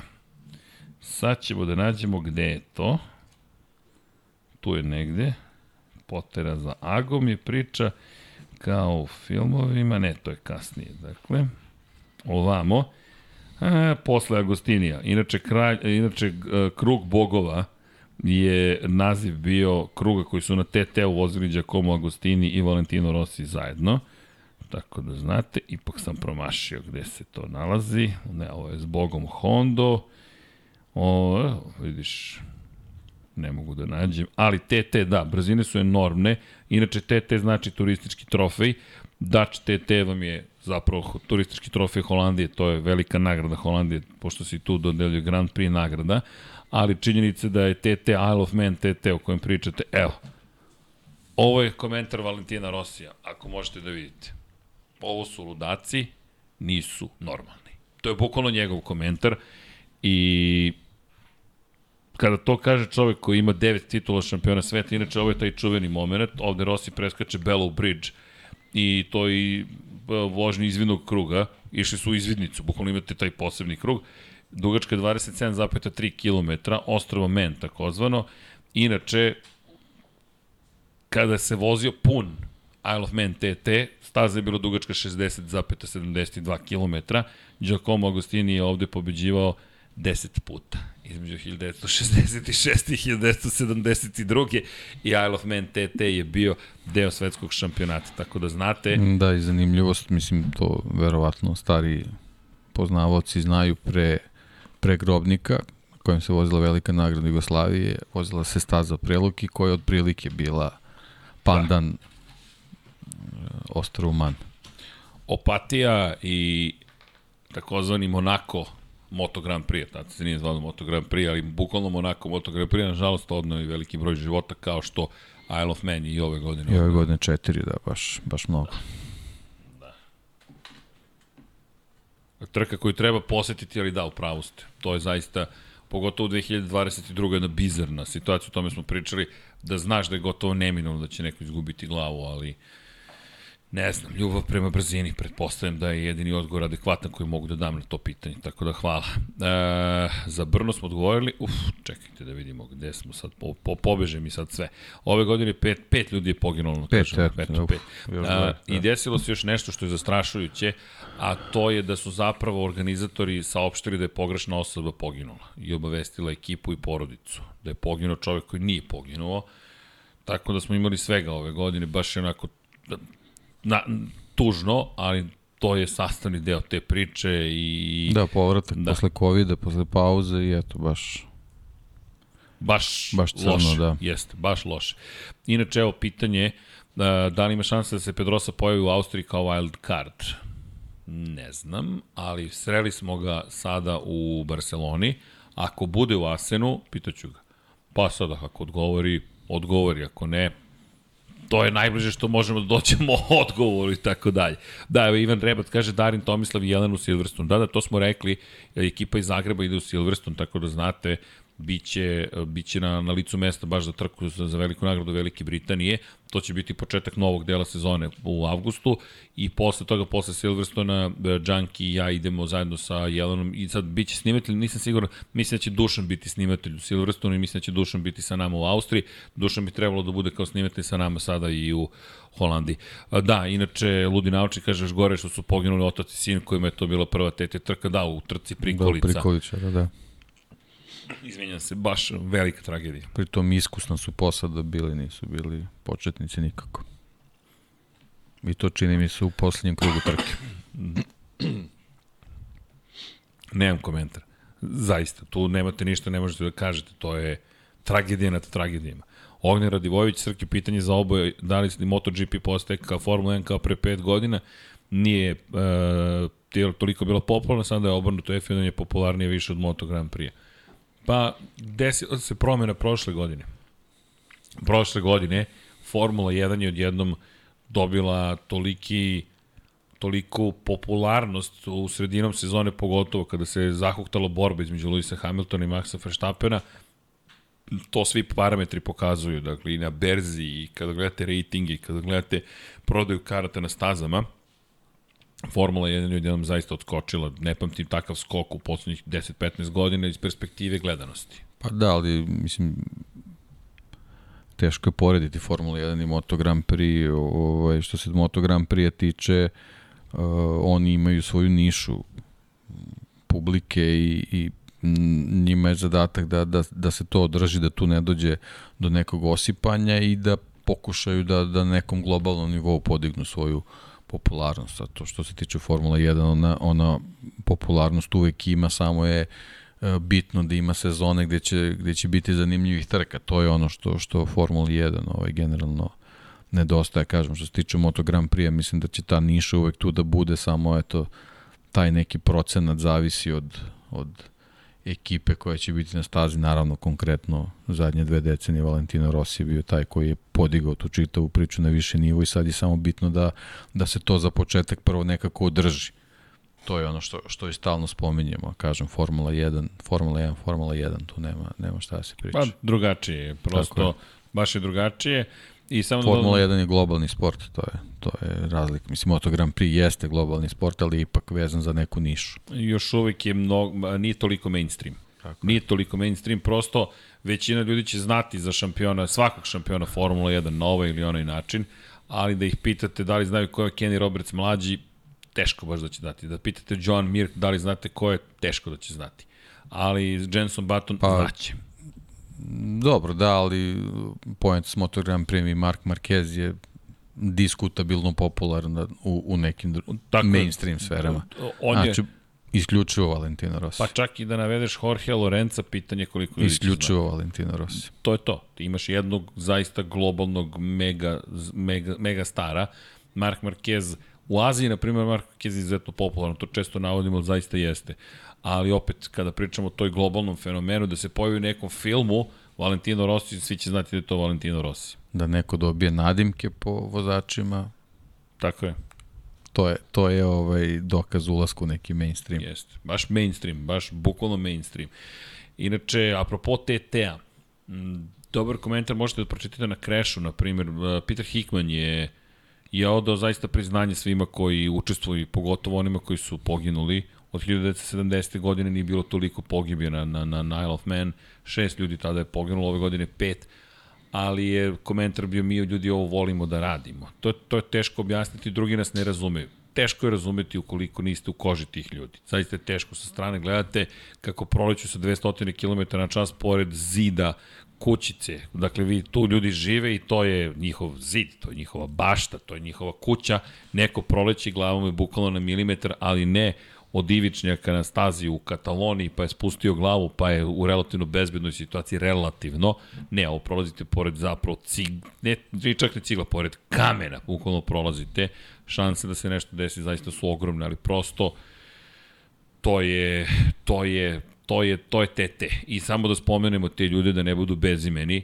Mark Purslow, Cezar, Cezar Chanel, Davy Morgan, Roger Stockton i njegov sin Bradley. To su ljudi koji smo izgubili ove godine na Isle of Man. Te, te mislim da zaslužuju da, da imaju imena, da ne bude samo pet ljudi neki broj tamo koji smo izbacili, ne. To su imena ljudi koji su nažalost poginuli, radeći nešto što zaista, što zaista vole i saučešće porodicama pre svema. Da, da, samo par pitanja tu, tako da hoće li u Asenu biti nekako okupljanje za ljubitelji Lab 76? Hoće. Obično saopštimo to na Instagramu, ali mislim da ćemo se potruditi malo bolje sada to da saopštimo. U, mu- dakle, pustit ćemo i poruku na YouTube-u, pustit ćemo na Twitteru, na Instagramu. A Obično, da, da nekako, ideja nam je da, da, da odredimo neki dan. Naprimjer, subota nam je pala na pamet. Zašto? Subota već se, se ljudi skupili, došli su tako da bukvalno u centru Asena negde, ne, ne, ne poznajem Asen Znak dovoljno. prepoznavanja žuta lala. Žuta. Sa brojem 76 na latici. ok. A, da, na, moramo da napravimo zastavu, definitivno, da je pobodemo negde u kafiću kad smo, ne najbolje Plaza de Catalunja, to je malo mesto, tako da se lako nađemo. Tako da, Edo, Edo, bit će okupljanje, subota uveče, verovatno oko pola devet, dok stignemo sa staze, mi na stazi uvek zaglavimo do 7-8, prosto to je ne samo posao, mi to zaista volimo. Tako da pola 9 ili 9 će biti neko vreme. Ako imate predlog gde da se skupimo svi zajedno u Asenu, hej, samo recite, mi, mi ćemo rado da poslušamo. Tako da znate. E, inače, Ivan Vosinović kaže, desio se MotoGP u Marquez i Rossi, bukvalno obojica nestadoše u istoj sezoni, to baš posle ove godine. Činjenica, o tome smo pričali, i jedan i drugi nestadoše, ali pogotovo ta, ta, ta ideja da, da niko nije uspio ni da ih nasledi čak, da, da pokuša da se bori sa njima, nego jednom baš prekid, prekid. Pogotovo sa Rossijem, pa onda pride Marquezom i sad ako se vrati vidjet ćemo šta će da se desi. O, e, Stevie G, 8, MM93, dobro. Evo ove nove promene u Formuli 1 ništa novo bolje nisu doneli sve isto manje više bez DRS-a, nema preticanja, manje više se sve zna, opet je popularnije od MotoGP-a, neverovatno. Pa to je ono što je Deki rekao. Ljudi, to je Mot, Formula 1 će uvijek biti mainstream. Jednostavno, to će biti deo... Znate šta, u vestima, u kojoj god zemlji da živite, jedna od vesti u sportu će biti ko je pobedio u Formuli 1 ne znači da će nužno biti ko je pobedio u Moto Grand Prix trci. Da li se to nama dopada ili ne i dalje neizvesna trka ili ne, ne utiče na to da li će se neko baviti tim ili ne. Prosto popularnost, ne znam kako se stiče, zaista ne, ne, ne, ne, da Ma dobro, to je, tragična formula ne postoji. znam kako bi napravili neku poređenju, kao futbol i košarka. Na primjer, ba, zaista. Liče, ali nije to to. E, od, ka, od kako oni boksu mogu smanjiti e, snagu motora, netko drugi 59. Vidite na tipku i pojačati u svakom truku i F1 izgubilo smiča. Čak da neko i ne posluša naredbe tima, ništa mu to ne vredi. Pa to je sad jedan od problema. Da li vi zaista možete, da, kao, Valtteri, this is James. I sad, Valtteri odjednom, ne, jednom se usporio. Često je Valtteri imao te izjave, ne znam šta se desilo, odjednom nisam imao snage u drugom delu trke i tako dalje. Možemo da spekulisemo, spekulišemo, ali činjenica da... Nikad to nećemo saznati, Saznati, ali možemo da sumnjamo samo. Možemo da se tako bilo. nasmejemo, tako je. I o to nam se ne dopada, jer vozač treba da ima mogućnost da odlučuje svoje sudbine. Zbog svega ovaj, toga ponovo veliki naklon Niku Rosbergu i njegove tituli. Bukvalno baš veliki naklon. Niko zapravo mnogo veći šampion nego što, što smo i mogli da pretpostavimo u tom trenutku. Čekamo Nika u studiju. Beneficirani radni staž. Beneficirani. Njegov menadžment je rekao čućemo se pre sledećeg dolaska u Beograd. Nešto im ne verujem, ali ćemo mi špione da imamo na aerodromu, pa kad sleti sledeći put biće niko, niko. Mi smo kao Lewis Hamilton, pratimo to u stopu. Šalo na stranu, inače netko drugi 59, kako postati član Patreona. Hvala najpre, patreon.com kroz Infinity Lighthouse, morate da napravite nalog na Patreonu ili kliknete ovde join i podržite nas i na taj način. Hvala. Ukoliko želite pogledajte šta ima od knjiga, od merchandise popularnog, kačketi, svašta nešto postoji, tako dalje, tako dalje. E, da vidimo šta ovde ima. To da bude zvanično mesto okupljanja. E, sad čekajte, Red Light District, pa to, to je malo daleko. Amsterdam je 160 km udaljen. E, No, mnogo mi vedri podcast od F1, valjda što nema timskih naređenja i ko je prvi vozač nego gasi. pa, ne, nema, nema tu kad se spusti kaciga, kad padne zastava, idemo, pon gas, bukvalno. A, ja čekam Vijeti da dođe u MotoGP i da on bude naslednik Rossi, imate neke valetove skillove. Ali, znate šta mi je tu stvar? Što evo, Milutin preporučuje coffee shop, hvala vam, ali pojente u sledećem. Tu vraćam se na jednu rečenicu Valentina Rosija. Ja mogu da se zabavljam na način na koji se zabavljam samo ukoliko pobeđujem, u suprotnom sam pajac. I to je ono što je Rossi doneo u Moto Grand Prix, da se ponašao zaista kao pajac, ali je bio sve osim pajca na, staj, na stazi. I pobeđivao je. I što kaže Deki, pravio je show. Od svojih rivala je pravio spektakl. Znao je kako da napravi spektakl. Ne moram da pobedim dominantno, mogu da ih pobedim i u poslednjih pet krugova ili u poslednjem krugu. Bilo je i tih situacija. Pravio je čovek show, zabavljao je publiku i imao je na kraju marketički tim kada je shvatio da Dorna ne zna šta bi da radi u celoj toj situaciji, jer je manje više status quo tamo održavan. Trudili su se oni nešto da učine, onda je Rossi krenuo Slušajte Deki, Deki zaista daje uvid iza paravana šta se zbiva. Rossi je postavio jednu marketičku mašinu oko sebe, što zbog sebe, što zbog Moto Grand Prix. Ono što smatram da je njegova veličina je što je delio to sa drugima. Podigao je ceo sport, nije samo sebe podigao, već i ostale je podizao. To je Nicky Hayden lepo rekao. Ja bih bio samo motociklista, a ne milioner da nije bilo Valentina Rossi. I verujte, bukvalno da nije bilo, to je Colin Edwards rekao. E, MotoGP, fali neko rivalstvo. Činjenica, rivalstvo, to je to. e, Srki, da li se E, Srki, da li, su, da li se čula himna Holandije u MotoGP-u? Aha, mislite neko iz Holandije dalje pobeđivo. Bilo je pobednika davno, ali poslednji ozbiljniji vozač iz Holandije je bio Jürgen van der Gurberg. Jasper i Vema je vozio u 125 kubika, ali ni blizu pobede. Sad imamo Zontu van der Gurberga, njegovog naslednika, imamo Boa Ben Snydera. Ali tipa, sad ću reći, da li je... Hmm, ja mislim, da li je možda... Da li, ali, ja, ja čak mislim da ni Kit Hueven nije pobedio, da on bio na pobedničkom postolju, ali da nikad nije pobedio. Dobro pitanje, moram da proverim ko je poslednji. Čekajte. Pa, Možemo da uzmemo čak i ovo. Ha, ha, mala Biblija. E, proda raspodali smo Bibliju za 2021. Tako da čekamo za 2022. da stignu, pa ćemo onda da vam se pohvalimo. Ali čekajte da vidimo, u ovoj mašoj maloj Bibliji, šta kaže, pobede, pobede po, um, po, po nacijama. Ah, negde ovde sigurno postoji i ta sekcija. A, da vidimo, a ovo su vozači, da je zaberite malo da nađemo gde su pobednici. Mhm, kombinacija otac-sin. Otac, sin. I da vidimo ko je, naj, ko je najuspešniji otac, sin. Um, dobro. Ovo je nešto čudno. Aha, ima ovde cijel jedan papir, dobro. Otac i sin, najveći broj po- pobjeda, 118, zamislite. Ha, mogu se mi da pretpostavim. Graciano Rossi, veličanstvene tri pobjede. I Valentino 115. Ok, mislim da s ovim možemo da završimo svaku dalju diskusiju. Ali dobro, ima i Angel Nieto i Pablo Nieto. Pablo ima jednu pobedu, Angel ima 90 pobeda. I onda na trećem mestu Robertsovi 32 pobede. 24 za Kenija Robertsa i 8 za Kenija Robertsa mlađeg. Kakva glupa tabela. tabela je potpuno, kao gledam kao, sad razmišljam šta će da bude ovde, Rosijevi, šta, 118 pobjeda, a, da zatvoriš i kažeš, aj, ćao.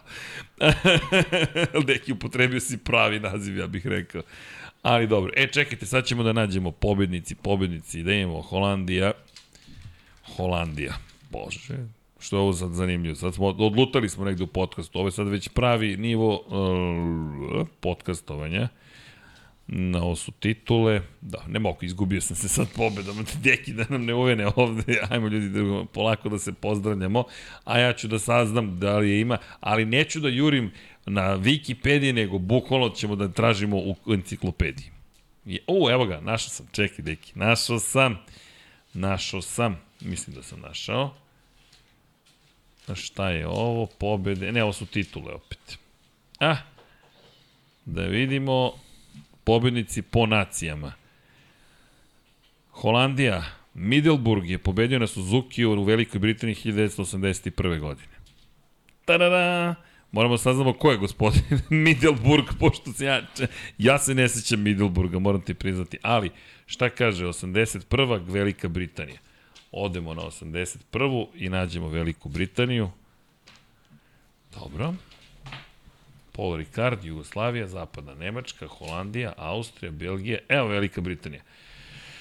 Zaista, Middelburg pobedio 30 tinki ispred Kenija Robertsa. Ko je Middelburg? Teki, ovo je sada potpuno novi, no, nešto novo za mene. Kako? Jack Middelburg. Dve pobede u Holandiji i Velikoj Britaniji. Wow, ne znam za čoveka. Nešto smo novo naučili. Jack Middelburg. Okej, okay. eto da znate. A, odgovori smo mi na nemoguće pitanje, ovo je bilo kao kviz. A, da li postoje nove informacije o stazi u Mađarskoj? Ne, apsolutno nemam ni jednu informaciju o tom čuvenom Hungar, nije Hungar ringu, nego kako se zove Balaton ring. Balaton ring, ne znam. I što se tiče Kimi ringa, apsolutno nema ničeg novog za Kimi ring. Nadamo se da će biti spreman za sledeću godinu.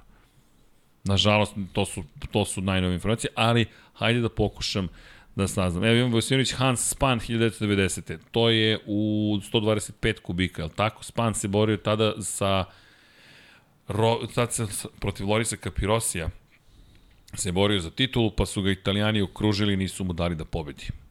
Da, inače MotoGP mora da radi na marketingu, apsolutno mora da radi na marketingu, u modernom svetu pogotovo, u kojem jednostavno ne, se borite za svaki sekund sa ljudima i moraju da podrže sve koji, pod, koji zapravo Middelburg promoviš. je poslednji privatnik koji je pobedio na Grand Prix motociklu u klasi 500 kubika. Opa, na Suzuki je pobedio. Ali zar nije privatnik je ne Bastianini? 500 kubika. A, 500-ka! Ne MotoGP. Wow! Na, poslednji privatnik koji je pobedio. O, kakva Tako informacija. sad stoji, sad ne znam da li je... Evo nešto smo novo da, otkrili. Inače, poginu, poginuo je 84. Tako da možda bi to bila i blistavija karijera. Will Hartog, evo kaže, Will Hartog, Will Hartog, I evo prvi holandžani koji je pobedio 500 kubika. Hvala Boško. Da, inače su se trojice takmičile tih godina, Middelburg, Hartog i Van Dulmen. Eto. Nešto novo čovjek nauči svaki put. Da, i naravno najviše su se pojavljivali na Dutch TT-u, ali Logično. je ovaj Middelburgova pobeda zanimljivije zašto na Silverstone, naravno, i to ispred Kenija Robertsa. Ozbiljno dostignuće. E da, inače jedna bitna stvar, Rade Stant ide u Asen, to sam zaboravio da napomenem, Rade, Rade ide tako da će biti u Asenu, ja se nadam da, će, da, da ćemo uspeti da, da, da uhvatimo njegove stantove, da ćemo uspeti da snimimo našom kamerom, a onda imamo prava da emitujemo, a ja mogu telefonom da pustim na društvene mreže da im šta to rade, stant radi i da ćemo imati priliku da, da to vidimo. Inače, Bog Bož, Božović pita kako šanse Grobnik ima za Moto Grand Prix. Nema. Da, može ukoliko investira tipa 20 miliona evra i potpuno sredi sve oko staze da dovede na nivo Aj, Grobnik mora da, da, tri kategorije bi bukvalno morao da preskoči da bi se vratio u igru za Moto Grand Prix. Jednostavno, vremena su se baš ozbiljno promenila. Stojan Stanković, kada je bilo predavanje u Nišu? U Nišu smo bili pre mesec i po, ja mislim, ako ne i dva. Otprilike na fakultetu filozofskom smo bili, je li tako? Da, na filozofskom fakultetu je bilo, ako je to to predavanje za koje pitate, zaista, zaista ne znam. I da, to bi bilo to, to, bi, to bi bilo to. Deki, hoćemo polako da se pozdravljamo. Ajmo. Kako? Hajdemo. Hajdemo. Knjiga, čekaj, ja sam pokušao da je vidim na stolu, ali godine su učinile svoje. Dragi ljudi, udarite jedan like. Da se pozdravimo posle dva i po sata druženja. Ej, brzo je prošlo nešto, ne znam tebi. Uh, Ja se nadam pitaj, da ste... Pitaj Bindera kako je njemu. čekaj, čekaj.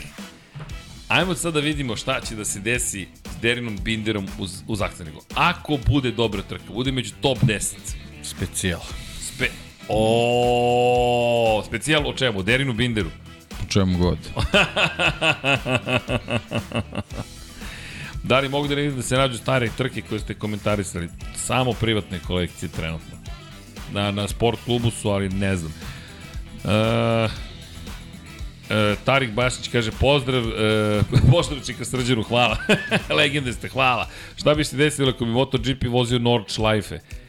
Huu, pozdrav iz Velike Britanije, McLaren Technology Center. Tariće, ako ste u McLaren Technology Centru, uživajte, zazubice napravite, tamo je fenomenalno. A ako slučajno radite u McLarenu, jao, javite se, lab76 at infinitylighthouse.com, čisto da nam pričate kako je, ne morate nikakve tajne da nam otkrivate, nama je dovoljno što ste tamo i što radite nešto što se nadam da volite.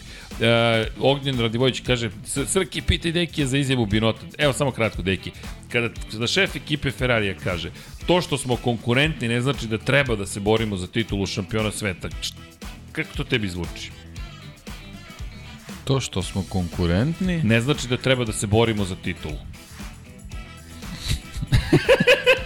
ok, pa kako okay, si konkurentan? Ne razumem, evo, evo, ja to stvarno ne razumem. Čovjek je izjavio... Jel to prevod ili tako originalno? Ne, ne, ne, ne, svi su preneli njegovu izjavu da je rekao sledeće.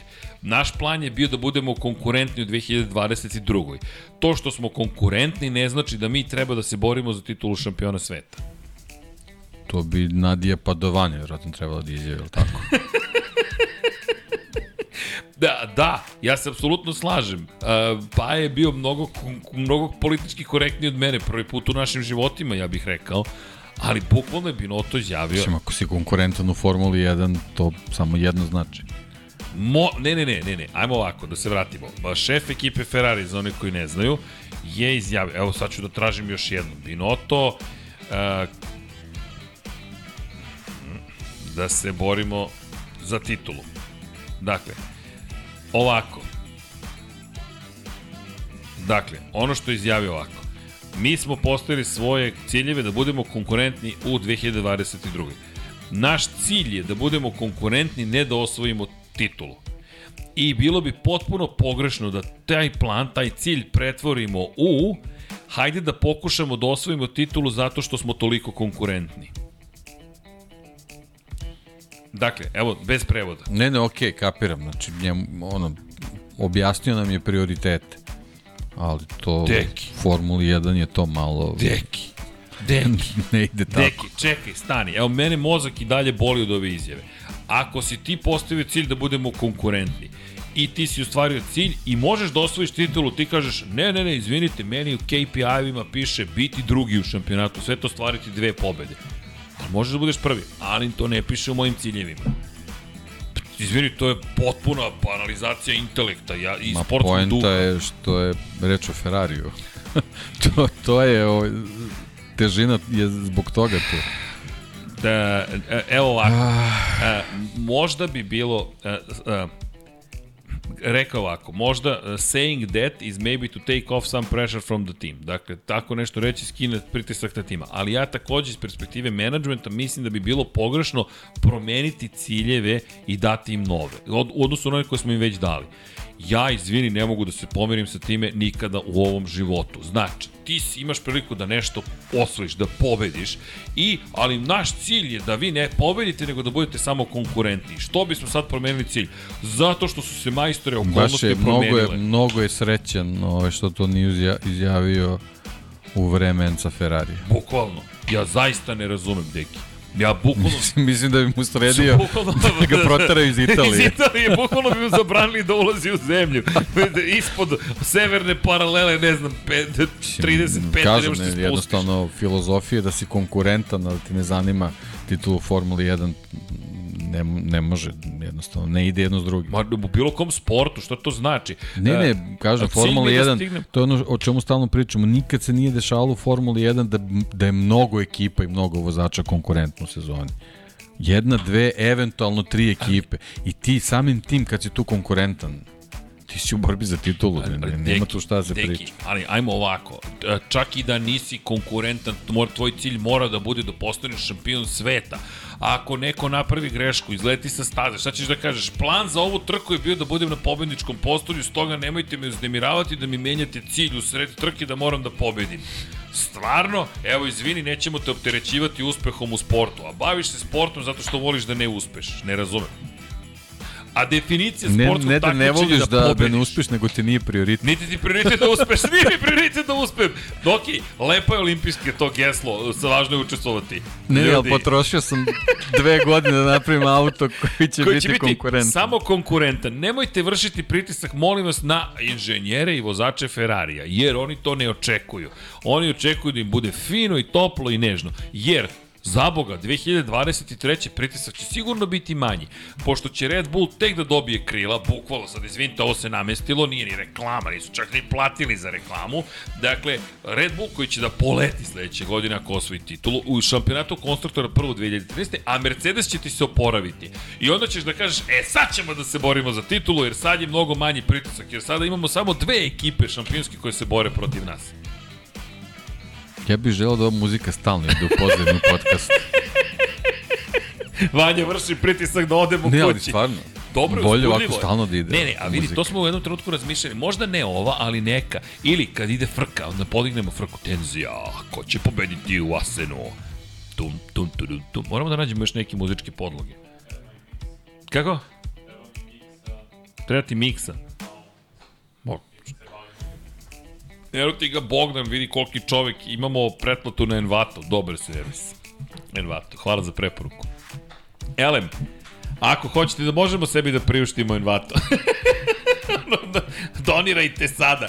Šalimo se, inače mi sve radimo legalno, jer duboko verujemo u takve stvari, jer ako mi stvorimo nešto, želimo da budemo plaćeni za to nešto. Ako vi stvorite nešto, treba da budete plaćeni za to nešto. Neko je stvorio neku muziku, ne može tek tako da se uzme. Ako uzmete nečiju fotografiju, potpišite ga, dajte link ka tom čoveku. Ako citirate nekoga, takođe, budimo ljudi. Zaista. Humani. I vozimo trke, makar virtualne, derine bindere, tebe gledam i nadam se da će biti sve savršeno i da će moći da sledeće nedelje radim specijal zvani Derin Binder. Elem, Patreon pokrovitelji, hvala vam, zaista, od sveg srca. Ne, sad ćemo od YouTube članova. Juče smo radili Patreone prvo. Dakle, hvala. Neven bio u centru. Nik, u stvari ne mogu u padežu. Krenem u pa, ne, hoću u padežu za malo promene. Hvala. Neven bio u centru. Nikoli Grđenu. Milošu Stanimiroviću, Vukašinu Felbovu, Igoru Iliću, Voča Peru, Marku Stojiljkoviću, Bakadu. Pazi, Bakadu, pa onda Bakadu. A piše se sa baca D-O-O. Bakadu. Četrio. Zat, 4-0, tako. 4-0. Bojanu Gitarić, Ivanu Bogdanović, Ivanu Vesinoviću, Resničaninu, Mladenu Mladenoviću, Tatjani Limajić, Veselinu Vukićeviću, Stojanu Sabu, Mladenu, Mladenu Dinki, o, Dukiću, izvinjam se, Marko Bogatu, znaš, zamisli, Dinkić pojavio glavi, opa, političari me spomenju, negde ogovaraju. Marko Bogavac, Branislav Dević, Vukašin Vučenović, Almedin Ahmetović, Nemanja Labović, Aleksandar Kockar, Miloš ZDLFC, Nikola Kojić, Nemanja Miloradović, Zvonimir Papić, Ivan Božanić, Marina, Vlada Ivanović, Oliver Nikolić, Andrija Todorović, Jelena Jeremić, Kalabi Jao, Aleksandar Nikolić, Lukas Kok, Jok, Petar Bijelić, Milorad Relić, Nemanja, Bojan Markov, Danilo Petrović, Nenad Simić, Nemanja Bračko, Kosta Berić, Aleks Vulović, Andreja David, Pavle Lukić, Milan Knežević, Žarko Ivanović, Armin Šamanija, Nenad Lukić, inače koleginica iz prodaje koja se hvata za glavu mi zabranila gazirano, zato mogu da pričam ovo, ovom brzinom. Zatim, Ozren Prpić, to su pokrovitelji sa Patrona, Jelena Jermić, Sava, Ivan Toškov, Stefan Dulić, Mladen Krstić, Marko Mostarac, Marko Bogavac, Nenad Ivić, Toni Ručić, Ivan Maksimović, Zoltan Mizej, Mario Vidović, Miloš Banduka, Aleksa Vučević, Zoran Šalamun, Ivan Simonović, Predrag Simić, Đorđe Radović, Mihajlo Krgović, Filip Banovački, Nikola Božinović, Nenad Đorđević, Miroslav Vučinić, Monika Erceg, Omer Kovačić, Aleksandar Gošić, Jelena Mak, Luka Savić, Žorž, Stefan Vidić, Mlađan Antić, Marko Ćurčić, Borko Božunović, Milan Nešković, Bojan Mijatović, Petar Relić, Nenad Simić, Boris Gvozden, Andri Božo, Josip Kovačić, Mirjan Živković, Mirjana Živković, Boris Golubar, Đorđe Andrić, Zorana Vidić, Luka Manitašević, Ljubo Đurović, Miloš Vuletić, Dušan Ristić, Marina Mihajlović, Nemanja Miloradović, Vukašin Učerović, Đole Bronkos, Miroslav Cvetić, Stefan Milošević, Antonio Novak, Jesenko Samarđić, Nikola Stanović, Mihail Stamičar, Zoran Majdu, Nemanja Jeremić, Stefan Nedeljković, zatim Lazar Pević, Jan Gajan, Aleks Jelić, Tijana Vidanović, Boris Kujundžić, Aleksandar Antonović, Nemanja Zagorac, Dejan Vujović, Aca Vizla, Milan Ristić, Igor Vučković, Vukašin Jekić, Igor Gašparević, Aleksandar M, Žarko Mirić, Branko Bisački, Dejan Đokić, Bahtira Burmarov, Bojan Markov, Alen Stojičić, Ognjan Unugljanović, Ertan Prelić, Andrija Todorović, Emir Mesić, Miloš Todorov, Pavle Njemec, Đorđe Đokić, Vanja Radulović, Vladimir Petković, Vladimir Filipović, Aleksandar Jurić, Strahinja Blagović, 15 dajnih pokrovitelja, Nikola Grujičić, Andreja David, Branislav Marković, Borislav Jovanović, Ognjen Marinković, Predrag Pižurica, Ferenc Laslov i Danijela Ilić, Petar Nujić, Zoran Cimeša, Matija Rajić, Grgo Živaljić, Miloš Radosavljević, Aleksandar Banovac, Stefan Janković, Vlada Ivanović, Jugoslav Krastić, Nenad Pantelić, Andreja Branković, Nebojša Živanović, Andri Bicok, Veselin Vukičević, Dimitrije Mišić, Ivan C, Ivan Panetović, Katarina Marković, Boris Erceg, Stefan Stanković, Jovana Jordan, Garbrandt, Depressed, Cody Fan, a kada ga okrenemo, Fan, Garbrandt, Cody Depressed. Ti Depressed Cody Garban fan, njime i završamo. Ovo je bilo 210. izdanje Lab 76 i vreme da kažemo Ćao svima. Ćao svima.